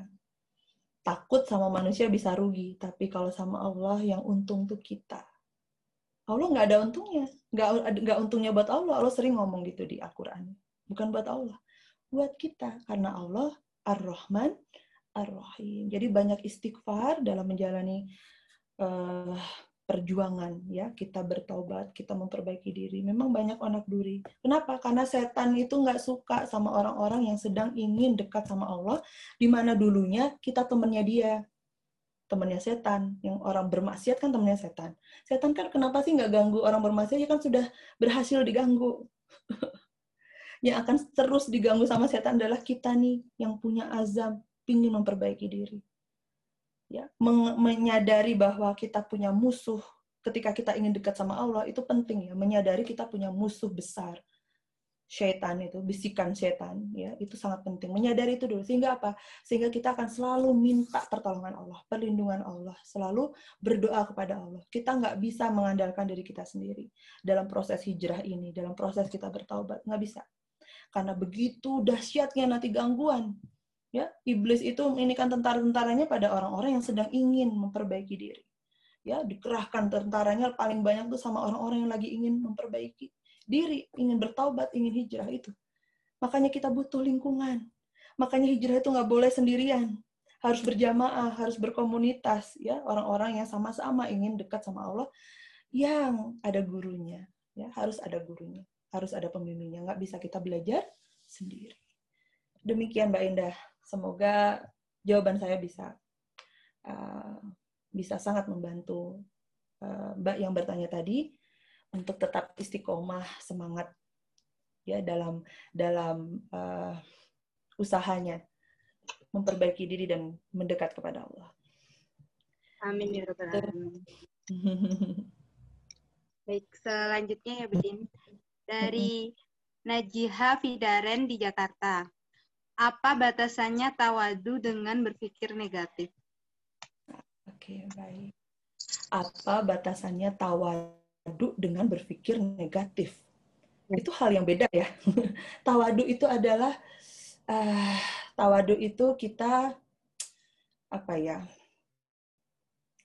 berendah merendah rendah hati ya merendahkan diri karena Allah gitu ya tawadu jadi itu kan lawannya sombong ya. Tawadu itu lawannya, lawannya sombong deh kalau gampangnya gitu deh. Ya. Orang sombong itu adalah orang yang merasa dirinya lah yang hebat. Ini kalau konsep konsep agama ya. Dirilah dirinya lah yang men, menjadikan dia punya kemenangan, kehebatan, keberhasilan, kesuksesan karena aku, termasuk soleh. Aku soleh karena aku yang hebat. Nah, itu juga sombongan, kesombongan ya. Orang sombong, selain itu, ciri-cirinya apa? Dia merendahkan orang, orang lain. Nah, kalau tawadu, ya itu ya itu orang sombong ya kan harusnya nggak gitu harusnya adalah kalau kita lihat yang tawadu harusnya orang tawadu itu ketika dia melihat keberhasilan yang dia raih dia melihat prestasi yang dia capai dia melihat hal-hal baik yang berhasil dia dapatkan itu bukan karena dia itu karena Allah itu kemenangannya Allah itu Allah yang menjadikan dia mampu untuk dapat keberhasilan itu. Jadi sejatinya tiada kemenangan, tiada keberhasilan ya yang kita hasilkan sendiri. Itu semua karena karena Allah. Kalau kita punya mindset begitu, ya, maka kita akan otomatis tawa tawadu. Ketika ada orang yang muji, ya, kalau orang yang yang sombong, kita dia akan ya gue memang yang keren gitu kan. Gue memang yang hebat. Betul kamu memuji aku, aduh seneng banget dipuji gitu. Lupa sama Allah. Tapi kalau orang yang tawadu ketika ada yang memuji, ketika ada orang yang memuji karena dia berhasil, hebat, dia akan dalam hatinya apa? Alhamdulillah, segala puji bagi Allah. Yang kedua apa? Subhanallah. Mensucikan Allah, ya.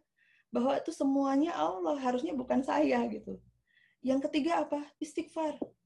Nah, kenapa saya bisa nyampaikan ini? Ini diperintahkan Allah ketika kita meraih kema kemenangan. Ada di surat An-Nasr ya tentang Fathu Makkah ketika Rasulullah berhasil menguasai kota Makkah itulah kemenangan dakwahnya Rasulullah sama Allah disuruh apa? Fasabbih bihamdika bihamdi rabbika wasa wastaq wastaghfir.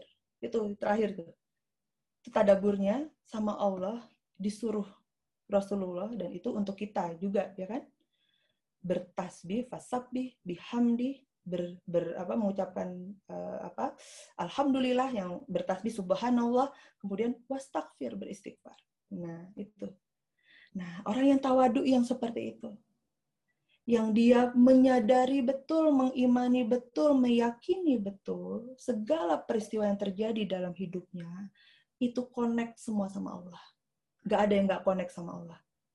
Ketika dapat kemenangan, ketika dapat kebahagiaan, ketika dapat yang dia capai, connect sama Allah. Kenapa? Meyakini ada namanya tauhid rububiyah. Kita meyakini kalau di tauhid rububiyah Allah sebagai pencipta, pencipta segala sesuatunya yang kelihatan maupun tidak kelihatan. Yang kelihatan yang berwujud semua ini bisa kelihatan karena ada Allah. Pohon, binatang, semuanya. Yang nggak kelihatan apa? Peristiwa, kejadian, ya itu pun ciptaannya Allah. Artinya apa? Semua yang ada ini ya pelakunya Allah. Nah, tapi menyikapi ketika kita menyikapi hal yang negatif bagaimana? Kita ingat sama nama Allah, sama sifat Allah, kehebatan Allah. Dialah Ar-Rahman Ar-Rahim, dialah yang uh, Al-Alim, ya. Dia yang maha uh, dia yang maha mengetahui, dia yang maha pintar, Allah yang maha suci, bersih dari kekurangan, kesalahan, keburukan. Sehingga ketika dapat peristiwa negatif, kita ingat nama-nama itu. Ini terjadi pelakunya Allah atas izin Allah, tapi karena kasih sayang Allah, ada hikmahnya pasti. Pasti ada sisi positifnya, pasti ada pembelajaran berharganya. Hari ini saya belum mengerti karena kapasitas berpikirku lemah, aku manusia biasa, terbatas, ya suatu hari Allah akan anugerahkan itu dan kita jadi minta sama Allah apa hikmahnya. Nah, tawadu sama apa tadi? Um, bedanya tawadu sama? Sama berpikir negatif. Nah, berpikir negatif. Nah, berpikir negatif tadi kan penjelasan tawadu ya, sudah ya. Nah, kalau berpikir negatif ya kita menyikapi itu menyikapi semua gini. Yang perlu dipahami adalah ada orang yang kita lihat, aduh orang itu kok kayaknya hidupnya bahagia ya, orang itu kayaknya beruntung ya, Wah, orang itu kok bisa ya berpikir positif, gimana caranya ya? Kita suka mikir gini, enak kan memang dia nggak pernah dapat yang seperti aku rasain gitu kan, suka gitu. Hidupnya nggak pernah dapat susah, nggak kayak aku. Kita suka gitu kan? Nah sekarang pertanyaan saya, apa bukti detailnya Anda benar-benar tahu apa yang dilalui oleh orang yang Anda anggap nggak pernah dapat kesusahan kayak Anda? yang Anda lihat enak banget hidupnya, senang-senang, happy-happy terus ya. Apa bukti detail Anda yakin orang tersebut nggak pernah dapat kesulitan, mungkin nggak sama judulnya kayak Anda, tapi setara. Kepak tingkat keparahan kepedihannya setara. Bukti apa? Nggak akan pernah bisa ada dapatkan buktinya. Kecuali Anda uh, makhluk goib ya, yang punya kekuatan super power ya. Kalau Anda manusia biasa, nggak bisa kita ngomong gitu. Anda nggak pernah tahu ya ketika Anda betul-betul mengenal. Coba Anda pernah ya, harus makanya kalau berinteraksi sosial sama orang ya yang kita kagumi, pelajari kehidupannya. Anda akan menemukan orang-orang yang hari ini Anda label dengan orang yang mudah bahagia, orang yang beruntung, orang yang enak banget hidupnya, ya. Anda kemudian ketika baca biografinya, Anda pelajari proses dia sampai dengan hari ini, Anda kemudian diceritakan masa kecilnya, masa lalunya, ternyata Anda lihat, ya Allah, ya bahkan begini, ya Allah masalahku nggak ada apa-apanya, bahkan gitu. Masalahku nggak ada apa-apanya, Allah dia sudah melalui hal yang berat, tapi dia bisa bahagia hari ini. Dia bisa hari ini menjadi orang yang mudah berbahagia. Ya, kenapa? Dia berhasil melalui semua ujian itu sehingga dia memaknai ujian itu ya punya pelajaran besar yang berharga untuk hidupnya sehingga pelajaran berharga itu kemudian dia aplikasikan menjadi saat ini kesuksesannya gitu ya nggak ada kebaikan yang didapatkan dengan kemudahan tidak ada kesuksesan yang instan tidak ada kita ke surga aja nggak mungkin langsung masuk surga kita harus di dunia dulu dapat pahit getirnya menjalani kehidupan di dunia tapi janji Allah bagi orang yang menjalani pahit getirnya kehidupan di dunia dengan iman dengan takwa adalah apa merasa tenang merasa tentram. Kenapa? Yakin semuanya koneknya sama Allah. Semuanya dikoneksikan sama Allah. Jadi nggak ada yang berat. Nah, orang yang berpikir negatif itu orang yang berpikir apa? Orang yang ketika dapat peristiwa yang buruk, ya, karena dia banyak mendapatkan peristiwa buruk. Kenapa banyak? Karena satu peristiwa buruk nggak nggak bisa bikin dia menyadari uh, harus memperbaiki diri, harus berpikir apa? Ada sisi positifnya belum belum juga ngeh gitu, masih masih disikapi dengan negatif. Ya, jadi ketika kita belum dapat pelajaran apa dari uh, ujian masalah yang Allah sodorkan ke kita, Allah akan kasih ujian yang sama dulu karena belum lulus. Sama kayak Anda dapat ujian lulus SD, ya belum lulus lulus Anda ngulang lagi. Ya, kalau Anda sudah lulus baru nanti naik kelas SMP, nanti dapat ujian lagi, ujian level SMP. Tapi kalau Anda belum lulus ujian sama Allah dikasih ujiannya yang sama karena Anda belum lulus ya. Makanya menyikapi setiap ujian berprasangka baik sama Allah karena Allah bilang aku sesuai persangkaan hambaku. Ya, yakin dengan kasih sayang Allah, insya Allah Allah akan kucurkan kasih sayangnya. Ya begitu ya. Jadi bedanya tawadu sama berpikir negatif tentu beda dong. Orang tawadu itu juga bukan orang yang minder loh ya. Beda ya. Minder itu beda sama rasa malu. Ini saya tambahkan nggak apa-apa ya, biar jadi jadi pelajaran buat semua orang beriman, iman ya, buah dari iman itu salah satunya rasa malu. Dan malu ini bukan malu minder ya. Kalau minder itu minder yang mem, yang kita uh, apa ya, men, berpikir negatif tentang diri kita bahwa aku tuh kekurangannya kekurangan yang ada di diriku gak, nggak bikin dia melangkah maju gitu loh. Jadi dia stagnan, diam. Tapi kalau rasa malu yang Allah perintahkan ini, ya, buah dari iman adalah malu. Malu apa? malu melakukan hal-hal yang Allah tidak ridho. Malu bermaksiat, malu berbohong, malu membuka aurat, ya, malu menjadi uh, pusat perhatian lawan jenis untuk muslimah-muslimah ya. Malu untuk jadi perempuan yang agresif ya, yang deketin laki-laki, ngejar laki-laki itu kan malu untuk jadi si sombong yang menyombongkan diri malu. Aku malu ketika ngomongin hartaku, ngomongin keberhasilanku itu. Itu jadi tawadu akhirnya kan. Karena ada rasa malu itu kepada Allah, akhirnya tawadu. Karena ada rasa malu itu akhirnya nggak mau berpikir negatif. Karena Allah memerintahkan kita berpikir positif. Nah, demikian. Selanjutnya, Mbak Indah. Baik, selanjutnya uh, ini ada yang private kirim ke saya. Mm-hmm. Saya selalu merasa percaya diri bagi, bagaimana menanggapinya. Kadang saya bingung ini rasa percaya diri apa saya mencoba untuk baik-baik saja. Gimana gimana diulangi lagi? Saya saya sa, saya selalu merasa percaya diri bagaimana menanggapinya. Kadang saya bingung ini ini rasa percaya diri atau saya mencoba untuk baik-baik saja. Mungkin maksudnya atau itu tuh afirmasi buat dirinya supaya percaya atau atau kepedean gitu maksudnya mungkin Bu. Barakallah, Masya Allah. Jadi senantiasa merasa percaya diri bagus sekali ya. Jadi orang percaya diri adalah orang, ini harus diluruskan ya. Bukan tentang keberanian melakukan sesuatu loh, percaya diri itu. Percaya diri adalah tentang kenyamanan melakukan sesuatu. Berani sama nyaman beda nggak? Beda ya. Orang yang berani melakukan sesuatu itu bukan definisinya percaya diri ya. Tapi yang paling tepat definisi percaya diri adalah ketika kita nyaman melakukan sesuatu. Kalau ke diri sendiri, kita nyaman dengan diri kita sendiri. Nyaman. Orang yang berani belum tentu nyaman. Ya kan? Anda terlihat berani nih tampil, tapi Anda nggak nyaman, itu belum percaya diri loh. Anda tampil berani dengan stres, itu belum percaya diri. Tapi ketika Anda tampil, ya berani tampil, terus Anda nyaman di atas panggung, nah itu Anda percaya percaya diri. Ya, jadi orang yang percaya diri nggak harus terlihat berani tampil, ya. Tapi kalau disuruh tampil, dia mau aja, ya, nyaman, ya. Tapi bukan yang oh banyak ngomong, banyak tingkah. Justru ada beberapa orang yang ketika dia nampaknya berani, sebetulnya nggak percaya diri karena tidak nyaman dengan dirinya, gitu ya. Nyaman dengan diri kita adalah ketika kita ya mengetahui kurang lebihnya kita di mana, potensi kita kita tahu, keahlian kita kita tahu dan kita tahu bagaimana memanfaatkannya. Kita tahu impi impian kita apa, apa yang kita tuju dan kita uh, tahu bagaimana cara meraihnya dan apa yang harus kita lakukan. Itu orang yang nyaman.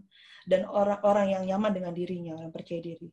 Dan ketika dia mem mem memikirkan atau menyadari kelemahannya, nggak bikin dia down, nggak bikin dia kemudian uh, apa tidak nyaman, ya nggak minder gitu loh maksudnya. Kenapa? Karena dia menyadari semua orang pun punya kekurangannya masing-masing. Sehingga ketika aku berada di lingkungan yang itu adalah mengekspos kelemahanku, it's okay nampak bodoh di lingkungan yang memang itu kelemahanku, it's okay. Kenapa? Karena aku punya kepintaran di tempat lain. Ketika yang ada di lingkunganku ini, ya, yang itu adalah kelemahan saya, misalnya masak-masak, membicarakan resep masakan, saya tampak bodoh, nggak apa-apa, karena memang saya saya lagi belajar nih di sini, nggak usah minder, ya. Tapi kalau orang-orang pintar masak itu masuk ke area areanya orang yang bahas masalah kesehatan mental, ya mungkin mereka yang minder gitu loh. Orang percaya diri itu seperti itu. Nah, jadi kalau pertanyaannya adalah merasa percaya diri setiap saat, terus kemudian bingung apakah saya ini lagi percaya diri atau sedang apa tadi? Atau sedang apa? Atau sedang ke kepedean.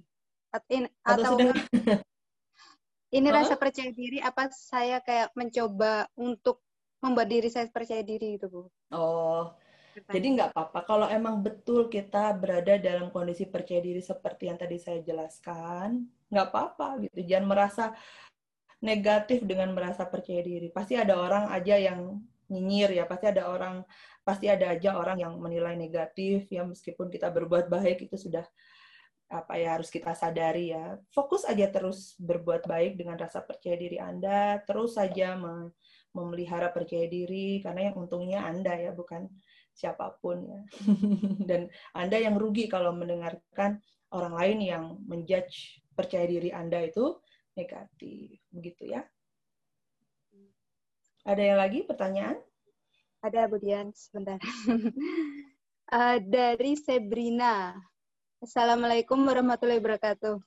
Bu Dian, izinkan bertanya, bagaimana jika saya korban yang berada di posisi kesalahan pola asuh? Sedangkan hmm. orang tua otoriter yang salah yang salah selalu ingin sempurna alias kasar hanya memerintah tidak ada afirmasi. Lalu saya sebagai anak harus mengingatkan dengan tabayun tetap fokus emosi yang dimiliki orang tua masih sangat tinggi karena faktor keturunan. Ketika dinasihati oleh orang yang lebih muda selalu tidak mau diterima. Maks maksudnya bagus biar tahan banting atau mental apakah itu caranya salah? Bahkan selalu mengungkit-ungkit pemberian. Jika anak salah selalu dimarahi dan banyak larangan bahkan mempelajari agama Allah lebih dalam lebih dalam dihantu-hantui rasa ta rasa takut. Syukron Budian. Ya, masya Allah. Untuk Mbak Sabrina, ya Waalaikumsalam warahmatullahi wabarakatuh. Jadi manusia itu dapat porsi ujiannya masing-masing ya. Karena saya juga di profesi saya nangani masalah anak broken home ya, masalah parenting ya, sehingga ya um, begini ya, Mbak Sabrina. Tadi saya bilang setiap manusia dapat ujiannya masing-masing. Allah memberi mengizinkan ujian untuk hidup Mbak Sabrina adalah dari keluarga ya dan untuk beberapa orang lainnya yang yang yang saya sering berinteraksi dengan mereka di profesi saya. Nah, kemudian ada juga orang kalau kita melihat dari uh, cara cara pandang lain ya kehidupan orang lain, mungkin mereka nampaknya tidak punya masalah dengan orang tuanya dengan keluarganya, tapi dia punya masalah lain di kehidupannya. Ya, tidak ada kemudian yang levelnya kita kemudian bilang, oh masalah kalau nggak sama orang tua dan keluarga tuh levelnya ringan. Yang paling berat tuh masalah sama keluarga. Nggak juga, nggak bisa juga kita ngomong seperti itu ya.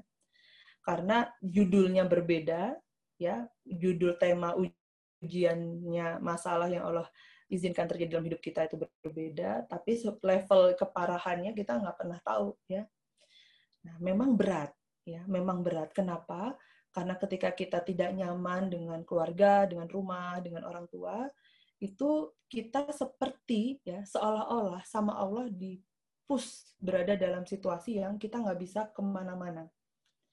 Mungkin kalau kita bermasalahnya sama orang lain, ya punya kesedihannya sama orang yang di luar keluarga, kita bisa uh, memutuskan untuk tidak tidak dekat sama mereka, ya bisa jauh, bisa berjarak, bisa bisa pergi gitu ya, bisa tidak tidak harus bertemu ya. Tapi kalau keluarga setiap hari kita harus harus bertemu dan kemudian kita apalagi kalau orang tua ada rulesnya Allah yang harus kita jaga kita nggak boleh jadi anak yang tidak berbakti pada orang tua artinya tidak boleh berbuat buruk gitu kan nah ini berarti apa? Ketika kita melihat, oh kalau kita punya masalah sama keluarga, apalagi sama orang tua, ini Allah sedang memberikan ujiannya, ujian yang kita uh, apa? di track ya, di track di track ujian yang ini kalau kita lulus ya, kalau kita lulus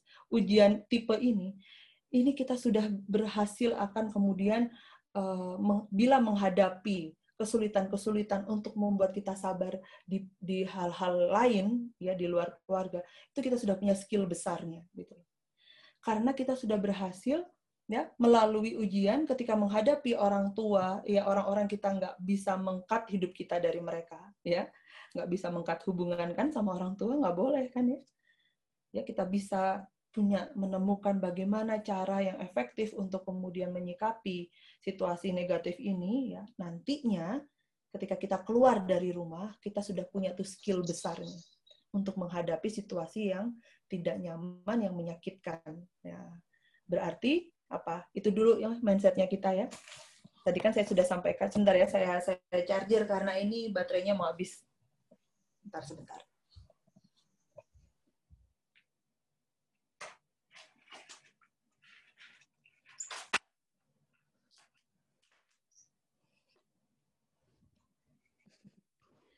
Afwan. Itu ya, pakai mindset itu dulu bahwa bahwa uh, situasi ini ada ada hikmah besarnya untuk saya, ya. Di kasus-kasus yang saya alami, ya rata-rata itu bahwa buah dari nanti Anda bisa bisa melalui ujian ini adalah kesabaran yang yang luar biasa gitu ya. Kesabaran yang luar biasa dalam menghadapi kehidupan. Kebijaksanaan yang luar biasa dalam menghadapi kehidupan nah kemudian masuk ke dalam orang tua ya. Pertama semua orang tua dia menginginkan yang terbaik untuk anak-anaknya. Meskipun caranya tidak tepat mungkin meskipun caranya tidak tidak sempurna. Karena apa? Karena tidak semua orang tua diberi kesempatan Allah belajar ilmu psikologi.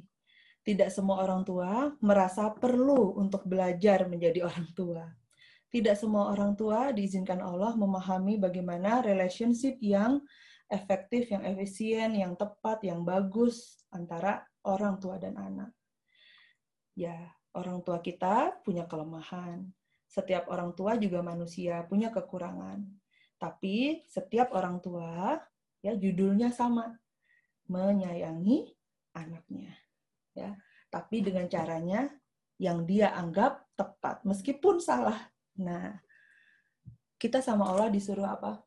Birul walidain ya. Tidak boleh berbuat buruk artinya begitu ya menghormati orang tua.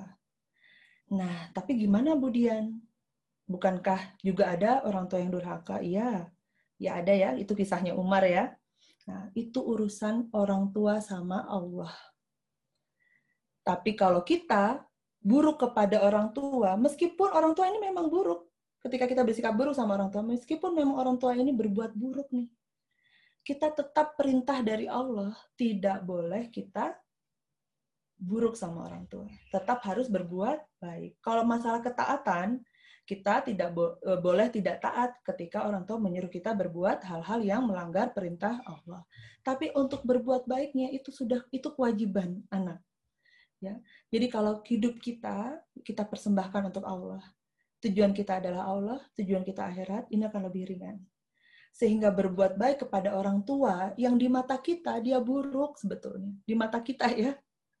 Kita kan tidak tahu ya di belakangnya apa. Bisa jadi kita berprasangka buruk. Bisa jadi kita yang menilai buruk terlalu dini padahal ada hikmah besar di situ dari ketegasan orang tua kita dari kerasnya orang tua kita itu semua karena kasih sayangnya.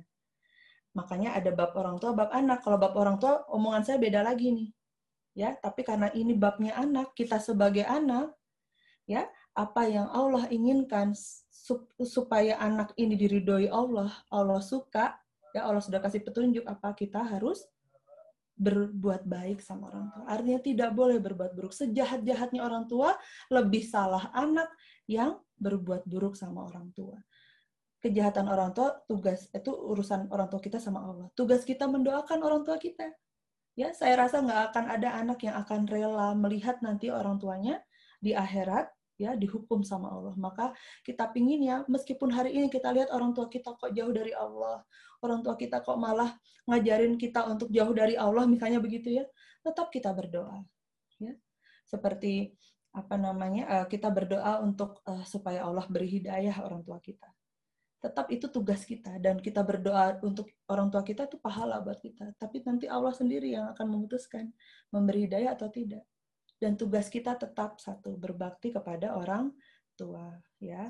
Jadi semua perbuatan yang yang ditulis sama Mbak ini di sini ya yang itu menyakitkan, iya menyakitkan ya.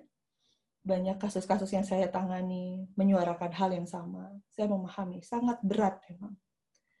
Mudah-mudahan dengan uh, azam kita semua yang punya masalah misalnya ya bukan cuma mbak ini siapa yang mendengarkan punya masalah sama orang tua ya bahwa masalah atau ujian berat di hidupnya adalah tentang orang tua ya mudah-mudahan dengan ini Allah kasih dan kemudian ujian ini membuat kita semakin dekat sama Allah, membuat kita semakin sering angkat tangan berdoa sama Allah, minta tolong sama Allah supaya diberi kesabaran, diberi kemudahan untuk berbuat baik, tetap berbuat baik pada orang tua, diberi kemudahan untuk tetap menjalankan yang Allah suka, yang Allah ridho.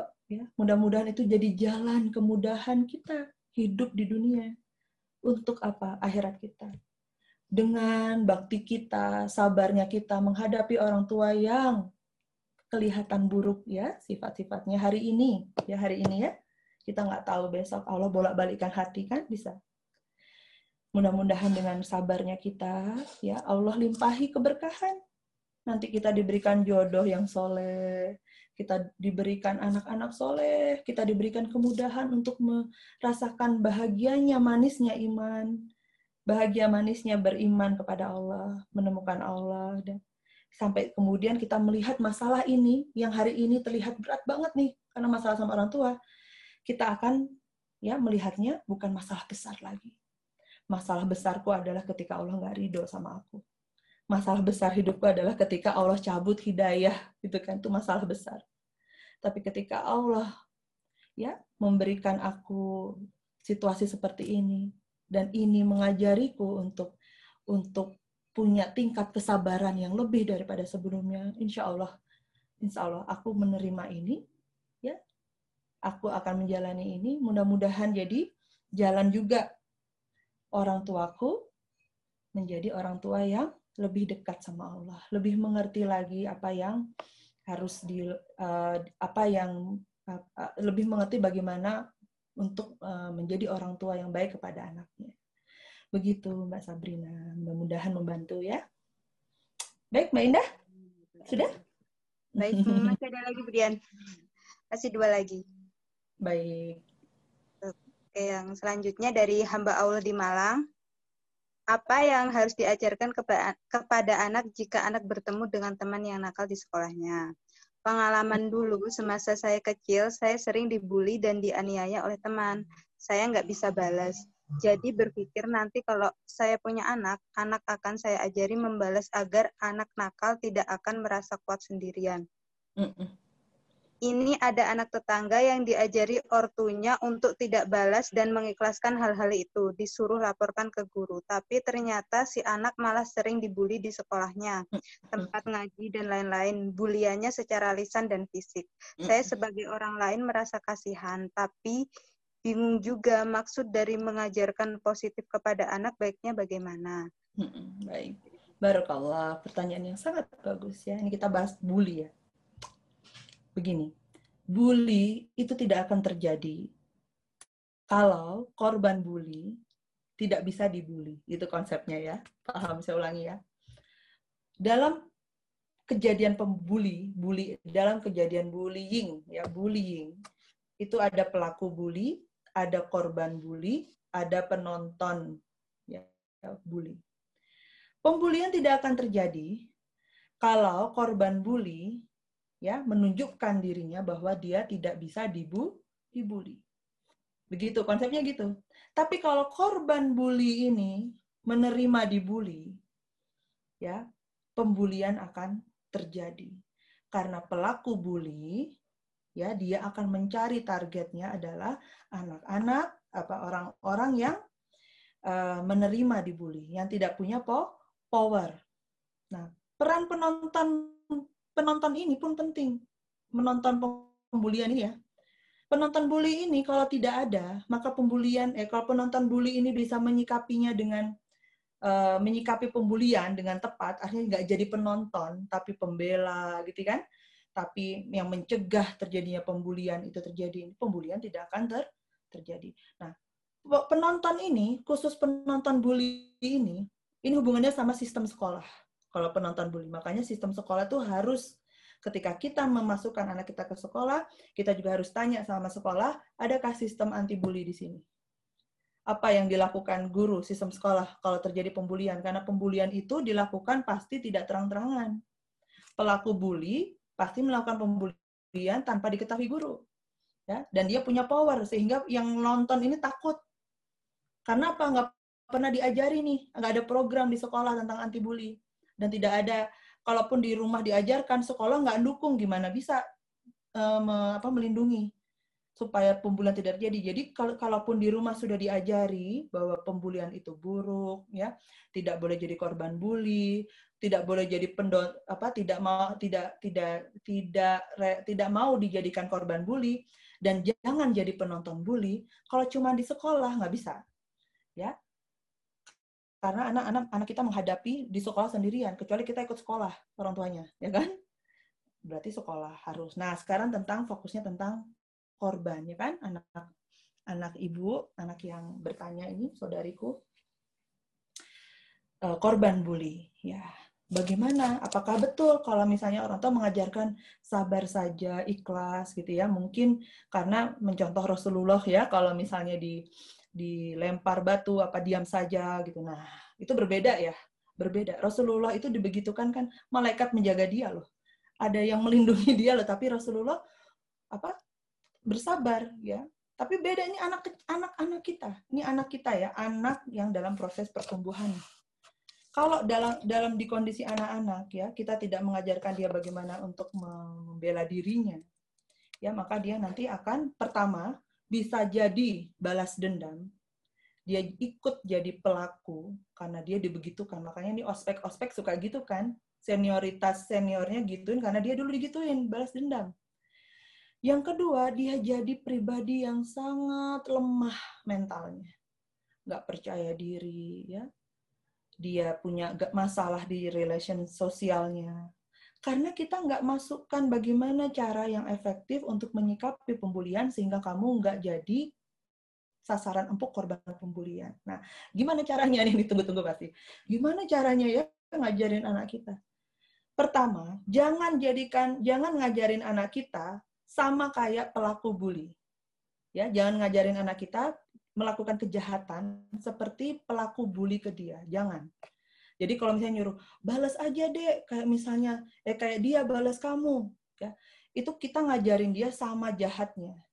Tapi juga jangan ngajarin dia lembek ya. Terima aja, diem aja enggak. Harus kita ajarkan apa? Membela diri tidak dengan kekerasan bisa. Jadi speak up tapi nggak dengan kekerasan. Artinya kalau kita ngajarin speak up, dia nggak diem aja kan? Nah, ketika ada tanda, makanya kalau kita ngajarin anak masuk di sekolah baru, lingkungan baru, ini harus diajarin. Nah, kalau ada yang nakal sama kamu, mungkin pembulian awalnya verbal ya, verbal kan, diolok-olokin tuh. Awal-awal biasanya tuh anak-anak kecil, awalnya bulinya verbal, belum yang fisik. Ya, fisik lebih, lebih parah ya. Bully verbal misalnya diolok-olokin, dasar gendut gitu kan, dasar uh, kurus apa diolokin di, di kata-katain uh, kekerasan verbal. Nah, anak kita diajarin, kamu jangan diam aja kalau ada yang masih tahu kamu uh, ngoloin kamu gitu. Kamu speak up, berdiri, tatap dia, datengin, kamu bilang, kamu nggak boleh ngomong gitu ke aku. Aku nggak suka kamu ngomong kayak gitu. Jadi me, me, me, apa suruh bilang, suruh berani speak up bahwa dia nggak suka dibegitukan.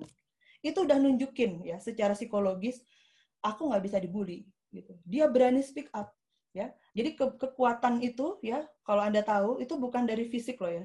Mentally ya. Kita ngajarin anak kita bisa berkuasa secara mental. Coba lihat tuh pemimpin-pemimpin mafia-mafia itu ya. Orangnya kecil-kecil ya. Tapi bodyguardnya gede-gede ya. Kenapa sih yang kurus kecil ini bisa ditakuti sama yang gede? Karena mentalnya. Ya, dia menunjukkan secara mental aku nggak bisa dibully, aku nih pemimpin aku nggak bisa di, direndahin gitu loh dengan nah makanya juga dengan prestasi ya ajarin anak kita. Nah kamu berprestasi ya di sekolah tunjukkan kamu adalah uh, pemimpin gitu. Nggak bisa. Dan ketika kamu berprestasi kan guru suka ya teman-teman suka kamu akan bisa memberantas pembulian. Kamu lihat ada pembulian ya kamu jadi penguasa di sekolah itu kan karena kamu diakui karena pintarmu, karena kebijaksanaanmu, kamu bisa tuh ngelindungin temanmu yang dibully. Ya, itu. Jadi mengajarkan secara mental ya, Bu. Ya. Jadi bukan ngajarin balas mukul juga, tapi secara mental. Itu ya. Nah, tapi gimana Bu Dian kalau sekarang udah kadung nih Bu Dian, udah sudah dia udah dibully gitu kan? Eh, eh, terus sebentar sebelum saya ke sini juga ajarkan melapor ya melapor kepada orang tua dulu.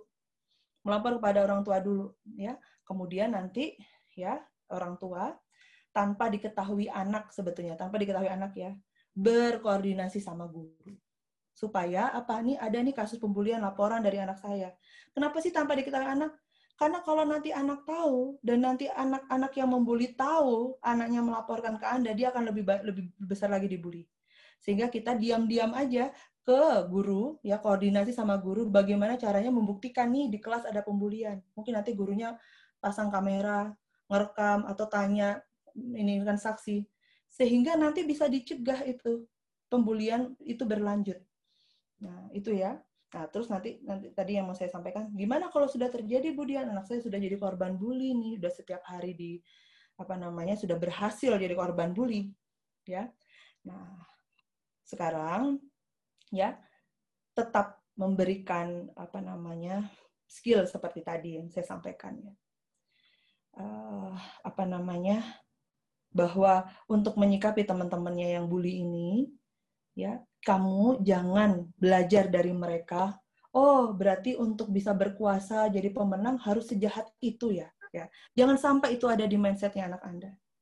Katakan yang mereka lakukan jahat, yang mereka lakukan tidak boleh ditiru. Mereka merugikan. Kamu tidak boleh jadi mereka ya.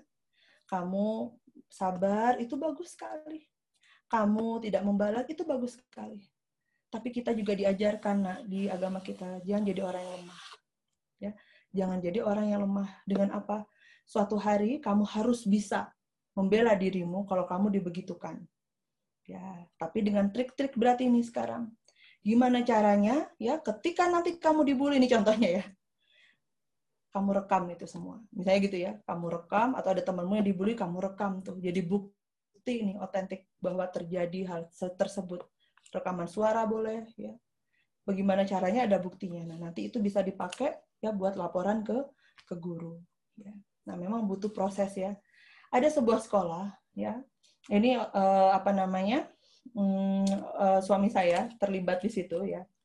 Uh, bela diri ya. Jadi sebuah sekolah yang punya sekolah bela diri tapi bela dirinya anti bully ya. Dan itu itu salah satu pengajarnya alhamdulillah suami saya di situ dengan teman-teman teman-teman bela dirinya beliau yang membentuk itu. Jadi bela diri tapi bukan untuk belajar belajar berantem, tapi belajar supaya mereka tidak jadi korban bully gitu loh. Bela diri yang bukan menyerang, tapi bagaimana mereka bisa menunjukkan kelihayan mereka ketika nanti dibully di fisik, ketika diserang, mereka bisa uh, menunjukkan bahwa aku nggak bisa dibully gitu loh dengan teknik-teknik bela diri tertentu. Nah itu bisa jadi uh, salah satu cara ya memasukkan anak kita di tempat seperti itu yang mengajarkan tentang keberanian, kepercayaan dirian ya secara mental dikuatkan. Kemudian teknik membela diri tapi bukan menyerang, bukan menyakiti. Tapi membuat para pelaku bully itu merasa ini orang nggak bisa dibully gitu loh. Yang penting seperti itu. Ya. Karena kasihan juga kalau anak kita udah sabar lah. Itu ini anak-anak ya Beda kalau kita orang dewasa ya. Allah mengajarkan kita untuk sabar. Ini positivitas buat orang dewasa ya, bukan buat anak-anak. Untuk anak-anak kita tumbuhkan dia kepercayaan diri dia bahwa dia punya mental yang kuat menghadapi apa pun dan kita harus bisa speak up. Nanti kalau di positif class ini di buku rahasia berbahagia saya di positif class extra ini juga nanti ada tentang asertif. Ya, bersikap asertif. Nanti kita harus punya tuh. Bukan berarti orang berpikir positif berarti kayak nerimo itu kelihatan lemah ya. Asertif itu ketika kita nggak setuju, ya ketika kita melihat sesuatu hal yang buruk, kita nggak diam aja, tapi bisa speak up dengan cara yang tidak memicu konflik, dengan cara yang elegan gitu ya, dengan cara yang apa namanya uh, tidak tidak agresif dan tidak pasif. Ya. Itu di tengah-tengah asertif. Jadi kalau misalnya nih kita lagi uh, ngantri ya, lagi ngantri, ada yang nyerobot orang yang agresif akan apa? Marah-marah. Hei pakai otak dong gue gitu. Kasar ngomongnya ya. Diajarin nggak sih uh, antri budaya antri gitu kan? Itu kasar kan? Bisa memicu konflik. Kalau orang yang pasif gimana? Diem aja sambil resul aduh. Aduh dari tadi udah dilewatin tiga orang ya ampun ya. Ngantri dari tadi dilewatin tiga orang diem aja. Rugi nggak? Rugi kan? Nah kalau orang yang asertif gimana? Ketika dia dilewatin apa artinya antriannya itu dipotong gitu kan dipotong, dia ngomong sama orang depan. Maaf, Pak. Saya tahu, Pak. Bapak capek. Antriannya panjang. Mungkin Bapak puasa haus. Tapi sama, Pak. Saya juga capek dari tadi ngantri. Ini orang-orang semua yang tadi di belakang capek juga, Pak. Bapak mohon pengertiannya. Kita semua capek. Jangan begitu, Pak. Bapak ikut antrian yang yang harusnya antrian. Makasih ya Pak, kalau Bapak bisa memahami kita. Itu itu orang asertif gitu caranya. Nah, itu butuh skill ya. Butuh keterampilan komunikasi. Nah, anak kita diajarin begitu. Ini ada salah satu contoh ponakan saya yang sudah dilatih ya, terlatih. Dia bermain sama kakaknya, naik sepeda, boncengan. Ini dia cerita sama saya. Anak umur 6 tahun, laki-laki. Diketapel dia sama temen di rumahannya tapel tapel sakit kan dibully tuh. Hahaha diteket tapel cetek cetek cetek gitu kan. dia tahu dia lagi jadi objek objek hiburan kan. Karena dia sudah diajarin turunlah dia. Dia turun dia datangin teman-teman yang ngetapel dia. Dia tatap matanya dia bilang gini kalian tahu nggak sih kalau diketapel itu sakit? Coba kalau kalian diketapel, sakit nggak? Kalian bisa bayar kalau misalnya nanti aku setelah diketapel, aku terluka, terus aku masuk rumah sakit. Mau biayain aku rumah sakitnya? Mau biayain rumah sakit buat nyembuhin aku? Gitu. Nah, sikap itu, bersikap, itu teman-temannya jadi nggak jadi ngetapel lagi. Secara mental dia nunjukin, itu yang maksud saya. Ajari anak kita kayak gitu. Dia datang ke saya, tante, tadi aku gini, ceritain, ceritain Terus saya bilang, oh hebat gitu. Hebat adik saya gitu. Percaya diri dia. Nanti kalau ada temenmu digituin lagi, kamu jangan belain ya. Jangan nonton aja. Kasih tahu tuh kalau itu nggak benar. Tapi juga jangan sampai dia nggak pernah cerita kalau dipukul atau apa ya. Tapi tidak tidak melakukan, tidak boleh melakukan hal yang sama. Ada orang tua yang nyuruh balas aja, diketapel lagi gitu kan, itu salah. Kamu diketapel, balas ketapel itu nggak bikin solusi. Ya, kita ajarin anak kita bagaimana punya kepribadian. Kepribadian yang secara mental orang jadi dikuasai oleh dia. Jadi nggak berani sama dia gitu loh. Paham ya? Baik, Bu Indah. Eh, Mbak Indah, sudah? Sudah, Bu. Uh, masih satu lagi ya, Bu Dian. Oke, nggak apa-apa waktunya. Saya sih nggak apa-apa, masih ada waktu. Masih ada, insya Allah. Assalamualaikum. Waalaikumsalam warahmatullahi Bolehkah bertanya di luar tema? Afirmasi yang bagaimana untuk saya yang mempunyai pribadi sangat tertutup kepada suami dan anak seperti tidak bisa terlalu terbuka. Dari Muni. Oh baik. Afirmasi. Barakallah. Kita tahu dengan kita tertutup kan ada ada jurang ya, jurang komunikasi Sedangkan komunikasi itulah yang kemudian menjadi sarana setiap relationship, setiap hubungan itu jadi harmonis.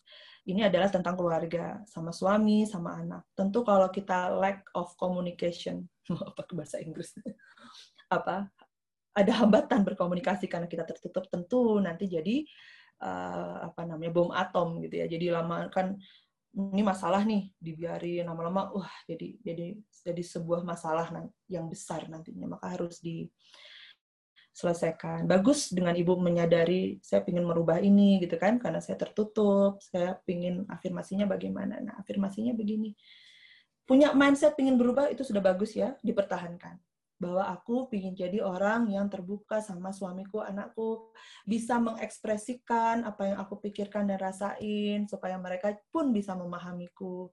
Semoga ketika aku nanti bisa lebih terbuka, bisa bisa merasa nyaman berkomunikasi, menyampaikan apa yang aku pikirkan dan rasakan, semoga nanti suamiku pun begitu ke aku gitu ya. Nanti semoga anakku pun begitu, menjadikan aku orang yang paling membuat dia nyaman untuk bercerita apa saja. Sehingga aku bisa paling update tentang suami dan anakku. Sehingga aku bisa mengerti kebutuhan-kebutuhan mereka.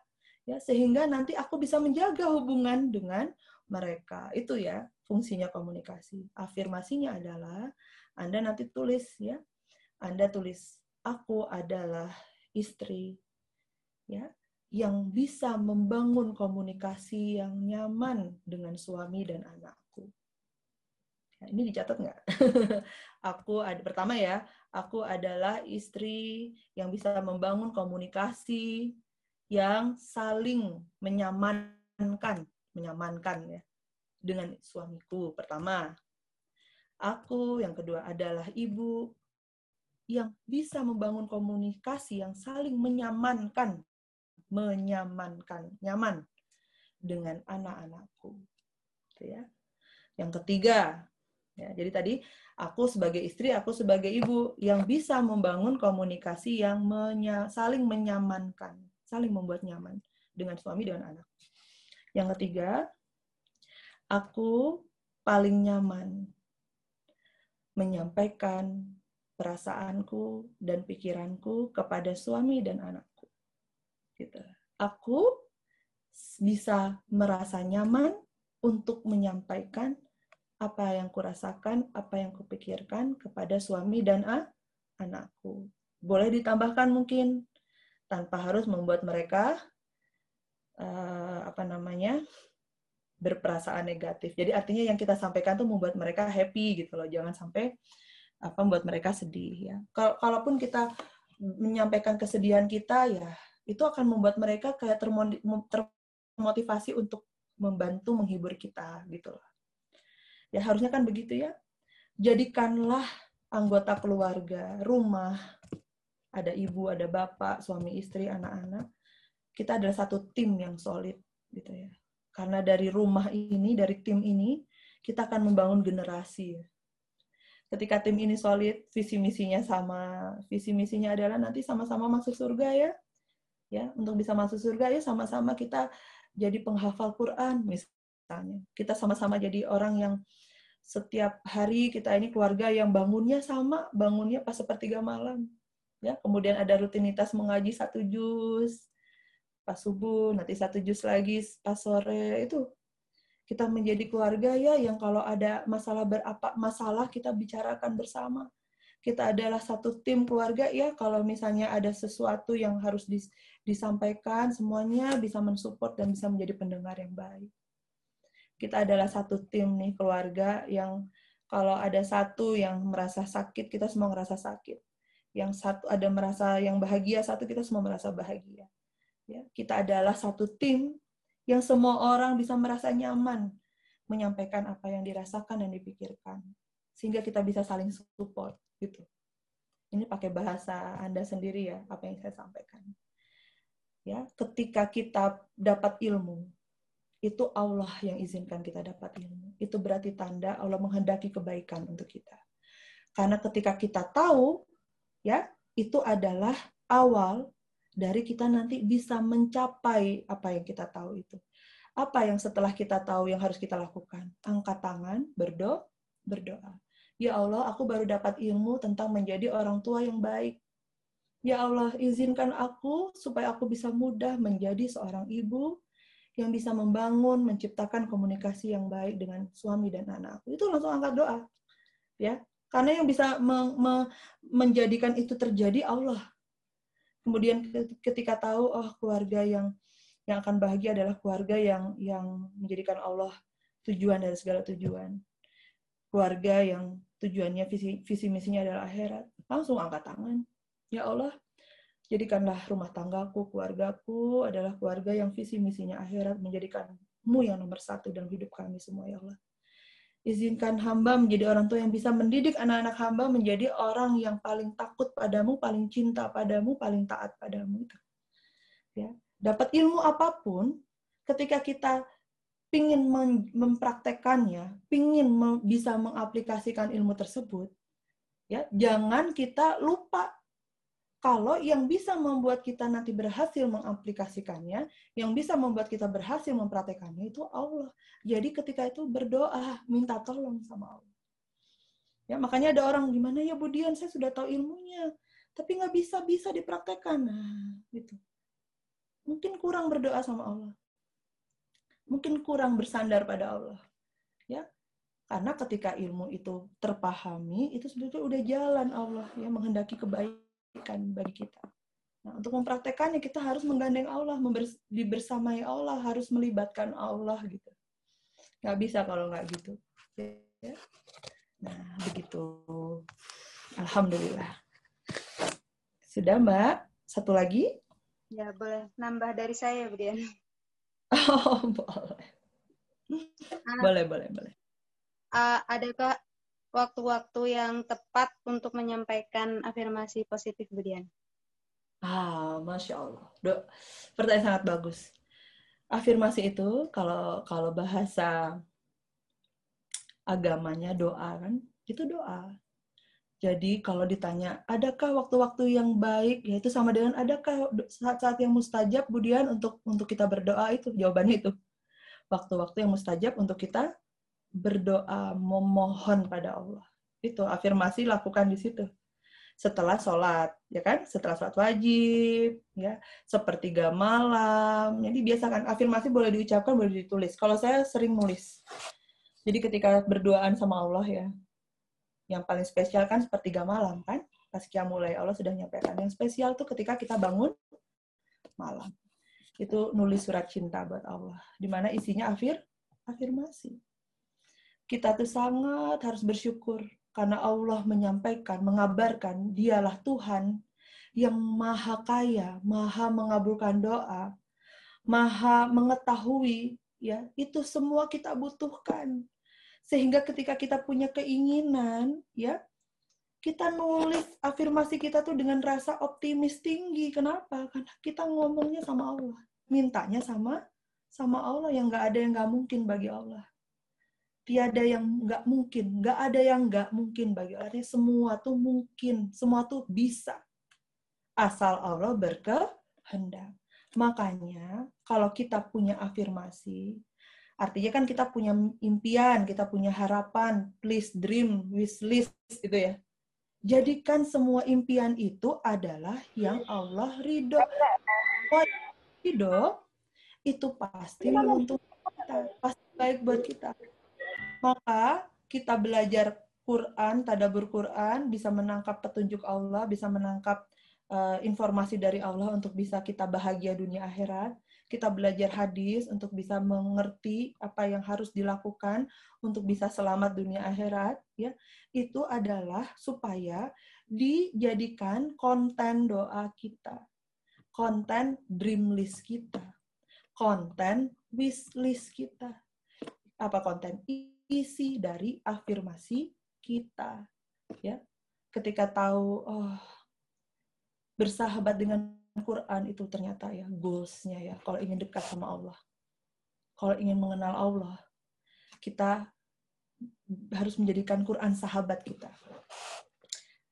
Ahlul Quran itu artinya berkeluarga dengan Quran. Itu lebih dari sahabat ya. Sahabat itu juga kita anggap keluarga ya. Keluarga itu orang yang paling akrab di ring satu circle kita. Yang paling kita banyak interaksi itu sama keluarga kan, sahabat juga artinya sama. Nah, ketika kita tahu oh menjadi ahlul Quran, oh itu ya berkeluarga dengan Quran tuh berkeluarga sama Allah ya. Menjadikan Quran sahabat terbaik, itulah nanti yang akan menyelamatkan kita, maka itu jadikan afirmasi kita. Jadi afirmasi itu jangan tentang dunia. Niscaya Anda rugi. Iya senang, senangnya cuma sebentar, sementara senangnya di dunia aja. Karena ada ilmu berpikir positif ya yang yang mengandalkan kekuatan pikiran itu secara ilmiah terbukti benar. Ya. Tapi kalau kita dengan keimanan belajar agama Islam, ketika ada orang yang minta dunia, terus dia pakai teknik afirmasi ya, terus dapat ya, itu Allah istidraj itu Allah biarkan dia mencintai dunia. Kalau orang beriman, ketika Allah peduli, ketika Allah cinta, Allah akan melindungi kita dari hal-hal yang membuat kita terhalang dari pintu surga. Ya.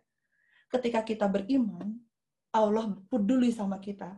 Allah akan jaga kita dari hal-hal yang membuat kita terhalang masuk pintu surga. Ketika dream list kita, ini saya ingat ya, impian saya dulu. Saya dulu musisi dari SMP nyiptain lagu ngeband ya saya ngomong aja nih ya masa lalu saya saya punya impian salah satunya itu nggak terwujud di situ. Tapi juga saya ingin punya impian saya ingin hijrah dekat sama Allah. Itu yang 90% Allah kabulkan tapi impian saya tentang saya ingin jadi pencipta lagu nanti lagu saya ini masuk TV itu nggak sama sekali dikabulkan Allah. Karena ada doa di situ ada dream saya di dalam mimpi-mimpi list saya itu selain jadi musisi itu saya ada tulis aku ingin dekat sama Allah gitu. Aku ingin jadi muslimah yang baik. Nah, kalau kalau saya nggak nulis pingin dekat sama Allah dan pingin jadi muslimah yang baik, mungkin karena fokusnya saya, intensnya saya, besarnya mimpi saya, karena saya punya potensi jadi musisi pada saat itu, mungkin saya beneran jadi musisi, tapi itu diistidrat sama Allah. Allah biarkan saya mencintai dunia, lupa sama akhirat dan itu bencana di hidup kita. Maka mulai sekarang kalau bikin afirmasi ya, tulis afirmasi yang kita tahu itu jalan kita dekat sama Allah. Itu jalan kita diridhoi Allah. Itu jalan kita dapat semua janji Allah ya. Kemudahan, keberuntungan, kemuliaan, perlindungan Allah, pertolongan Allah bagi orang yang beriman dan bertakwa nikmat yang bertubi-tubi, surga yang kekal, dimudahkan hisapnya, husnul khotimah, gitu kan? Merasa kona'ah, merasa cukup, jadi orang yang tawadu, itu kan semua harapan kita. Ciri-ciri orang yang bahagia dunia akhirat. Ya, itu jadi afirmasi. Jadi jangan lagi nulis afirmasi tentang dunia, meskipun nggak apa-apa, nggak apa-apa, kan Allah maha kaya. Tapi anda yang lebih prioritas mau dapat dunia apa akhirat, itu aja. Atau anda bisa mintanya seolah-olah dunia tapi buat akhirat, kayak ya Allah, gini ya afirmasi ya. Aku bisa memiliki rumah, ya tipe begini begini, bentuknya begini begini begini dengan afirmasi. Yang di dalamnya dilantunkan ayat-ayat Al-Quran. Yang ketika orang datang ke rumahku merasakan manisnya iman, merasakan kedekatan dengan Allah SWT, karena rumahku adalah rumah Quran. Itu bisa kayak gitu.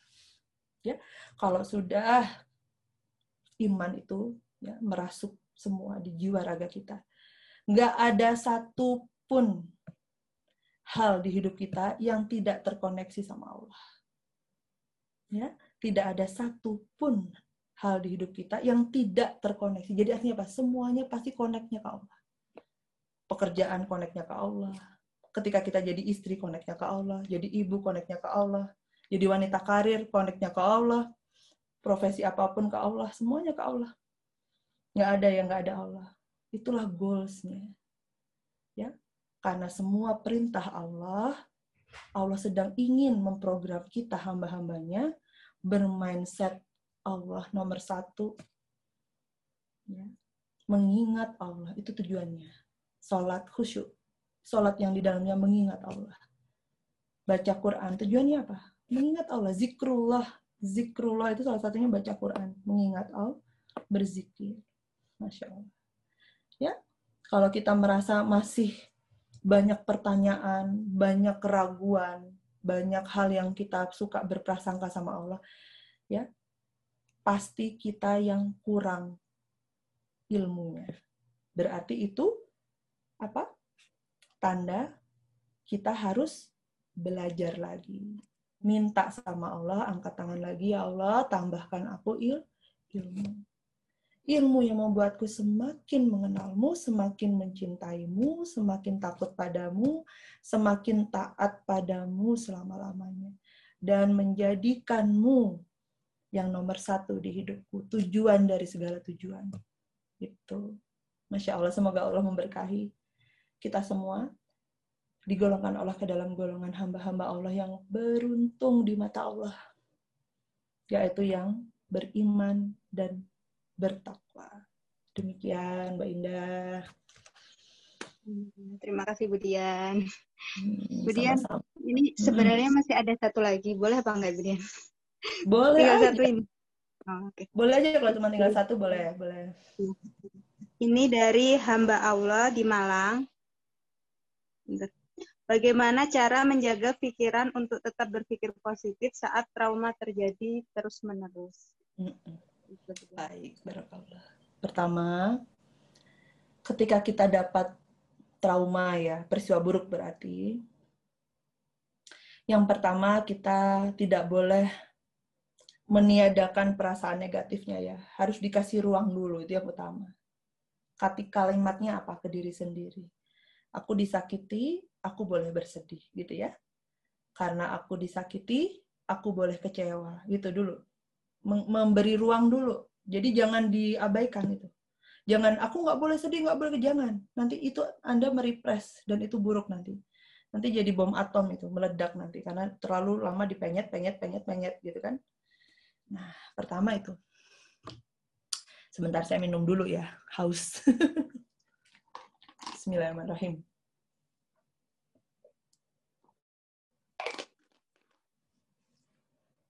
Yang kedua, Allah berfirman di surat Arad ayat 28. Hanya dengan mengingat Allah hati menjadi tentram. Itu itu petunjuk Allah. Ya.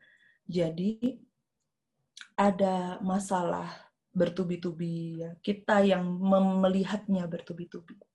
Ketika ada masalah besar, itu kita yang melihatnya besar kita harus memahami dulu bahwa cara pandang manusia itu sempit ya. Cara pandang manusia itu terbatas dan kita lemah ya. kapasitas kita ya dalam menyikapi sesuatu tuh kita lemah. Dan kita bisa kemudian seolah-olah kuat, seolah-olah tanpa batas, seolah-olah punya perspektif yang luas, itu kalau kita menggandeng Allah. Artinya apa? Kalau kita melibatkan Allah. Itu ya. Allah itu kebalikannya kita. Kita fana, terbatas, lemah. Sehingga kalau kita nggak gandeng Allah, Allah kan tanpa batas, Allah kekal, Allah sangat kuat. Sehingga otomatis manusia kalau nggak gandeng Allah, melihat segala peristiwa yang kita nggak suka, itu pasti kalau buruk, buruk banget gitu loh. Itu pasti kalau kalau sedih, eh kalau sakit, sakit banget. Kenapa? Karena kita nggak gandeng Allah. Paham? Nah, kan Allah sudah bilang, tidak ada musibah, cobaan yang diberikan Allah melebihi kemampuan hamba-hambanya. Itu kita pegang. Sering kok kita suka merasa salah berperspektif terhadap sesuatu kejadian.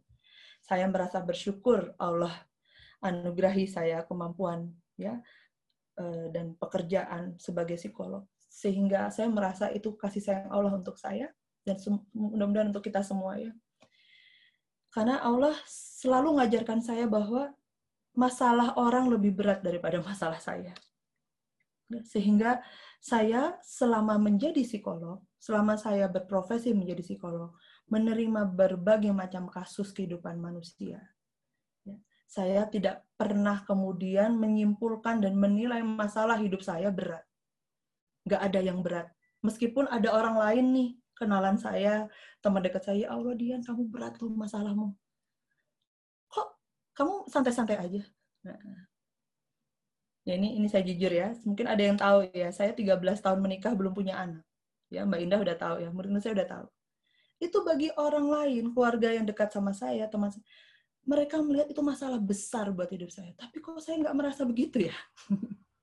Malah mereka menyalahkan saya karena saya punya mas karena saya kok nyantai banget gitu kalau nggak nggak jadi stres itu malah mereka yang bermasalah bukan saya. Nah saya bertafakur ya Allah. Oh karena saya sering melihat masalah hidup orang lain yang besarnya lebih besar berkali-kali lipat dari masalah saya gitu loh. Makanya bergaul dengan orang-orang yang di bawah kita itu sangat sangat membantu ya. Membuat kita semakin bersyukur pertama. Kemudian membuat kita semakin kona'ah makin tawadu gitu ya makin yang penting makin bersyukur itu. Itu ya yang harus uh, kita pahami. Kalau kita merasa masalah kita hebat banget itu karena mungkin kita kurang connect sama Allah. Kalau kita merasa kok masalah kita itu terus ya bertubi-tubi ya Budian gitu ya.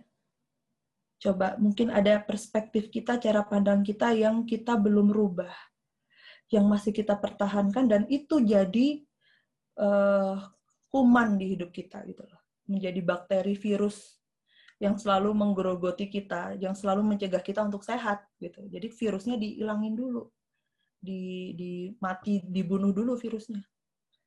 Nah begitu ya. Jadi itu dulu ya. Tadi jadi bagaimana caranya apa namanya untuk uh, apa namanya ketika punya masalah yang bertubi-tubi semakin eh, untuk bisa tetap berafirmasi positif gitu ya? Pertanyaannya begitu ya? Iya. Ya itu. Gini pak gini untuk untuk me, melak, menjadi baik kita nggak bisa diem aja dengan untuk bisa jadi baik kita nggak bisa pasif diam nggak bisa. Ya semua kita harus gerak harus berjuang bekerja keras melawan kemalasan, gimana caranya melawan kemalasan? Memaksa diri bergerak. Orang yang tahu pola hidupnya buruk, ya, suka makan gorengan, kemudian udah di ini kolesterol, diabetes. Gimana supaya nggak kolesterol dan diabetes?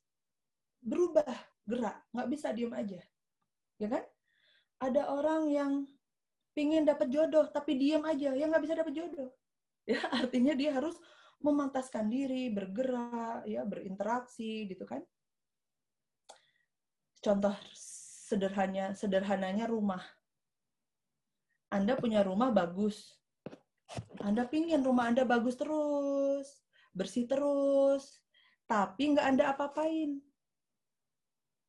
Nggak pernah disapu, nggak diapa-apain artinya dibiarin kan. Nggak dibersihin. Berarti kalau dibiarin apa? Nggak dibersihin, nggak disapu, nggak dipel, nggak ditengok, nggak ada yang menghuni. Ya kan? Nah, bisa bersih, tetap bersih nggak kalau dibiarin? Nggak bisa. Kalau rumah mau bersih, ya nggak usah rumah lah, kamar nih, kamar kita ya harus rutin kita bergerak di situ apa nyapu nyapu rapi rapi karena kalau nggak disapu nggak bisa bersih debu masuk kotoran masuk kecoa bisa masuk tikus bisa masuk bahaya bahaya masuk manusia gitu juga. Ya mau jadi baik nggak bisa diem aja. Kita bermujahadah bin nafs me, apa namanya memerangi hawa nafsu bergerak kita beramal soleh ya belajar berilmu nggak bisa ah gimana ya supaya punya hidup? Gitu kita diam aja tidur aja santai aja terus kita nggak ada nggak bisa. Di dunia itu begitu. Makanya di dunia berletih-letihnya itu. Karena kita harus memerangi hawa nafsu. Nanti mau santai-santai ya tapi tetap baik tetap dapat kebaikan ya di surga. Itu goals kita. Begitu ya mbak. Terima kasih. Alhamdulillah semua pertanyaan udah terjawab semua. Allah. Terima teman-teman.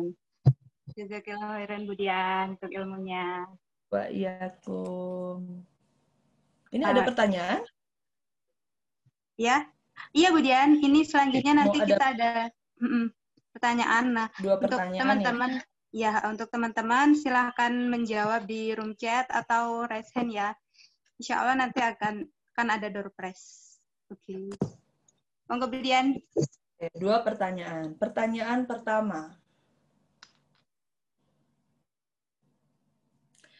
Saya ingin uh, ada uh, apa ada yang bisa menuliskan menuliskan afirmasi positif yang itu berkoneksi sama Allah.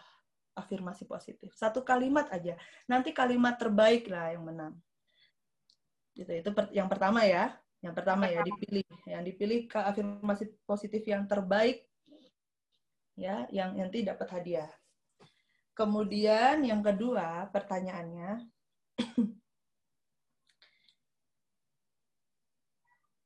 uh, apa untungnya ya bukan untungnya manfaatnya dari kita punya keterampilan keterampilan berpikir positif. Nah, itu itu ya apa manfaatnya? Boleh boleh lebih dari satu, boleh pakai kalimat, paragraf, boleh ya. Apa manfaat keuntungannya kita punya keterampilan berpikir positif. Nah, ini yang pertanyaan pertanyaan pertama udah ada yang jawab nih, Budian. Uh, ada dari ya. Langsung sekarang? Ya, Budian, langsung saja, Budian. Oh, langsung saja. Baik, baik. Iya, di chatroom. Mm -hmm. Dari Han. Yang mana Budian? Ada ada dari Hana, ada Khalid. Oke. Okay.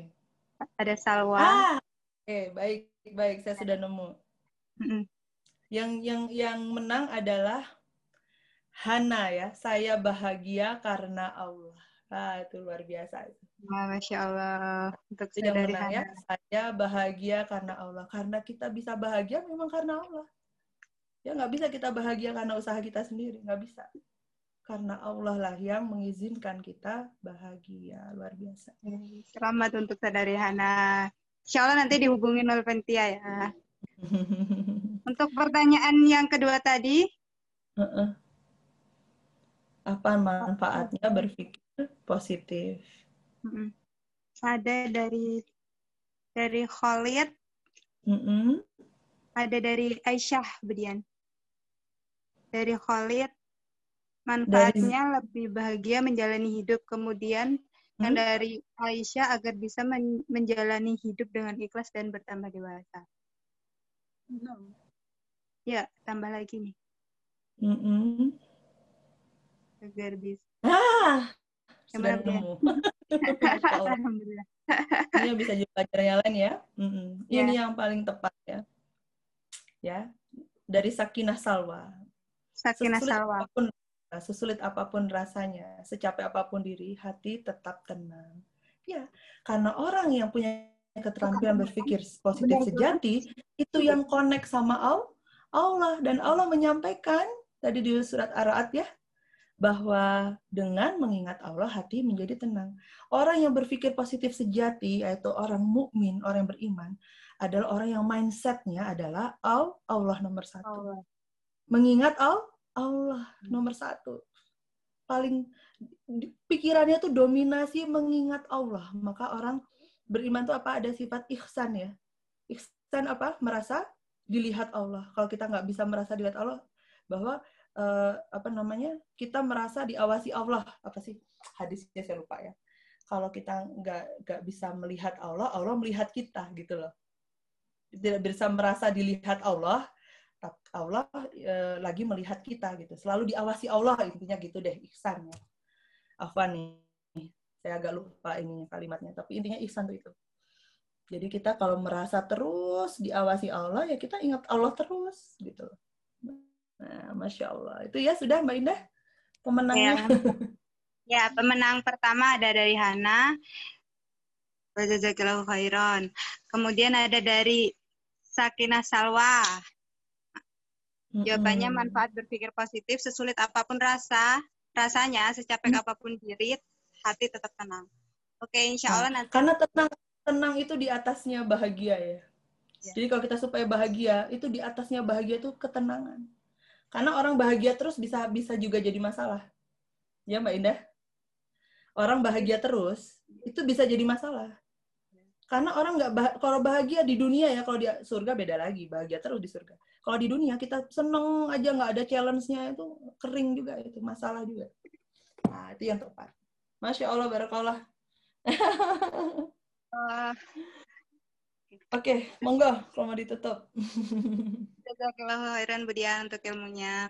Uh, sebelum ditutup, uh, saya mau izin Budian, ini ada ada program dari Yasa Malang. Mm -hmm. Dari Yasa Malang ada program yatim bahagia. Mm -hmm. Jadi insya Allah Nanti bantuannya akan diberikan kepada seribu anak yatim dan juga yatim piatu dengan memberikan ya paket pendidikan, uh, hmm. pembelajaran daring yaitu berupa voucher voucher kuota internet dan juga subsidi pangan beras 5 kg.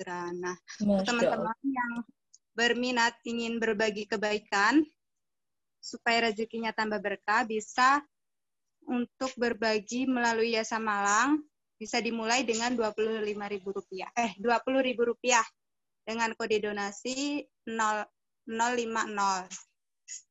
Nah, teman-teman bisa menghubungi kontak 085232606360